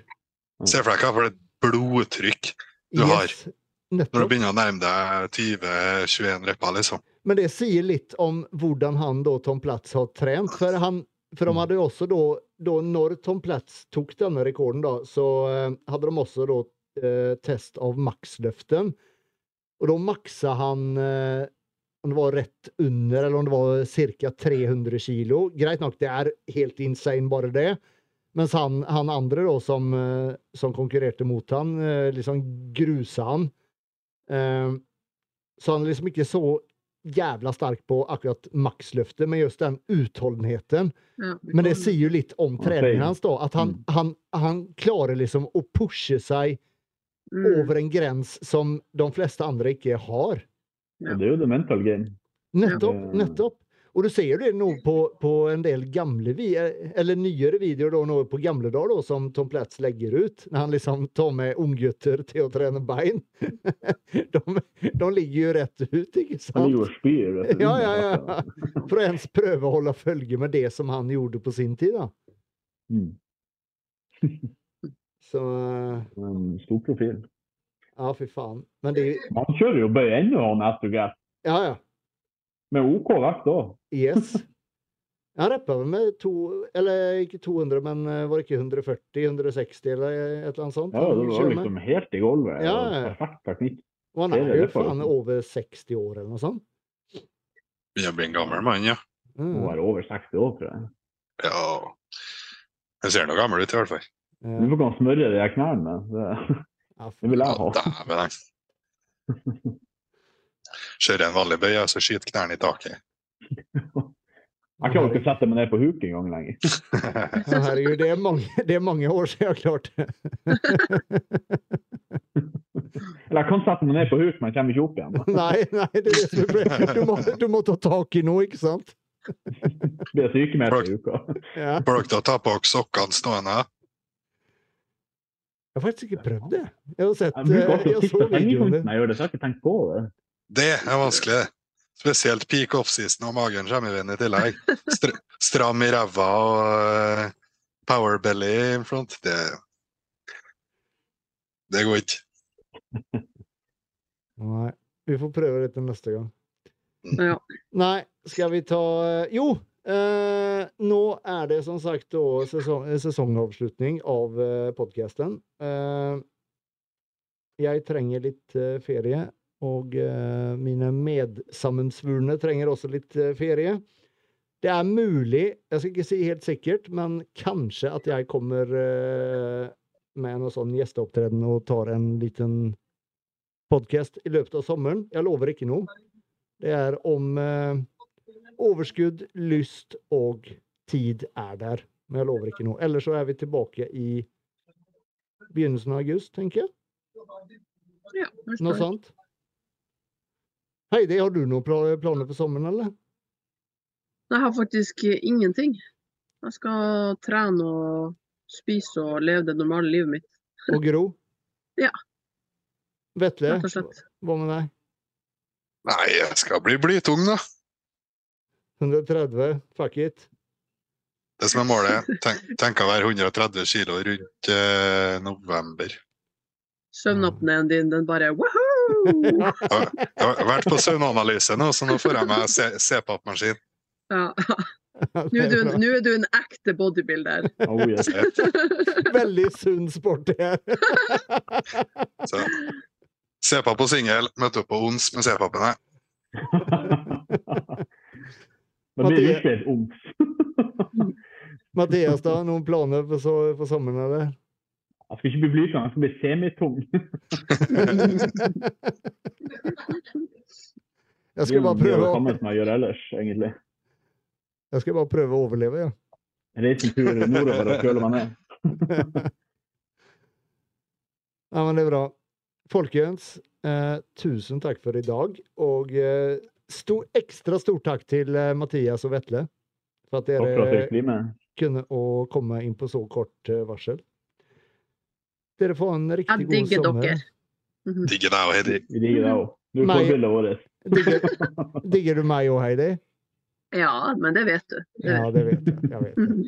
Og Heidi, du vet at jeg digger deg. Ikke sant? Ja, Nice. herlig. Folkens, ha en riktig god sommer, så God eh, snakkes vi etter hvert.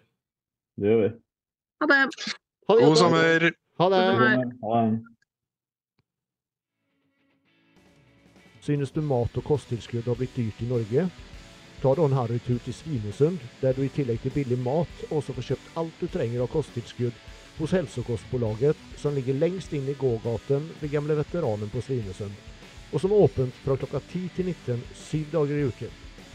Med uslåelige svenske priser består sortimentet bl.a. av kosttilskudd, treningsklær, hudvårdsprodukter, helsekost og CBD-olje.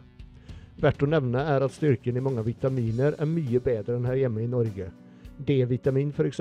kommer med opptil 125 mikrogram. Med et stort og veldig bredt sortiment finner du alltid det du er på jakt etter. Og når man topper det med kunnig personal, personlig service og uslåelige priser, så blir du alltid en meget fornøyd kunde. Hälsokostbolaget lagerfører mange anerkjente varer og merker som ellers kan være vanskelig å få kjøpt i Norge. Et godt eksempel er Trained by JP, i hele juni måned får du 20% rabatt på alt av vitaminer og mineraler om du oppgir kodeordet Gymbros. I tillegg har du som alltid også 10% rabatt på resten av sortimentet.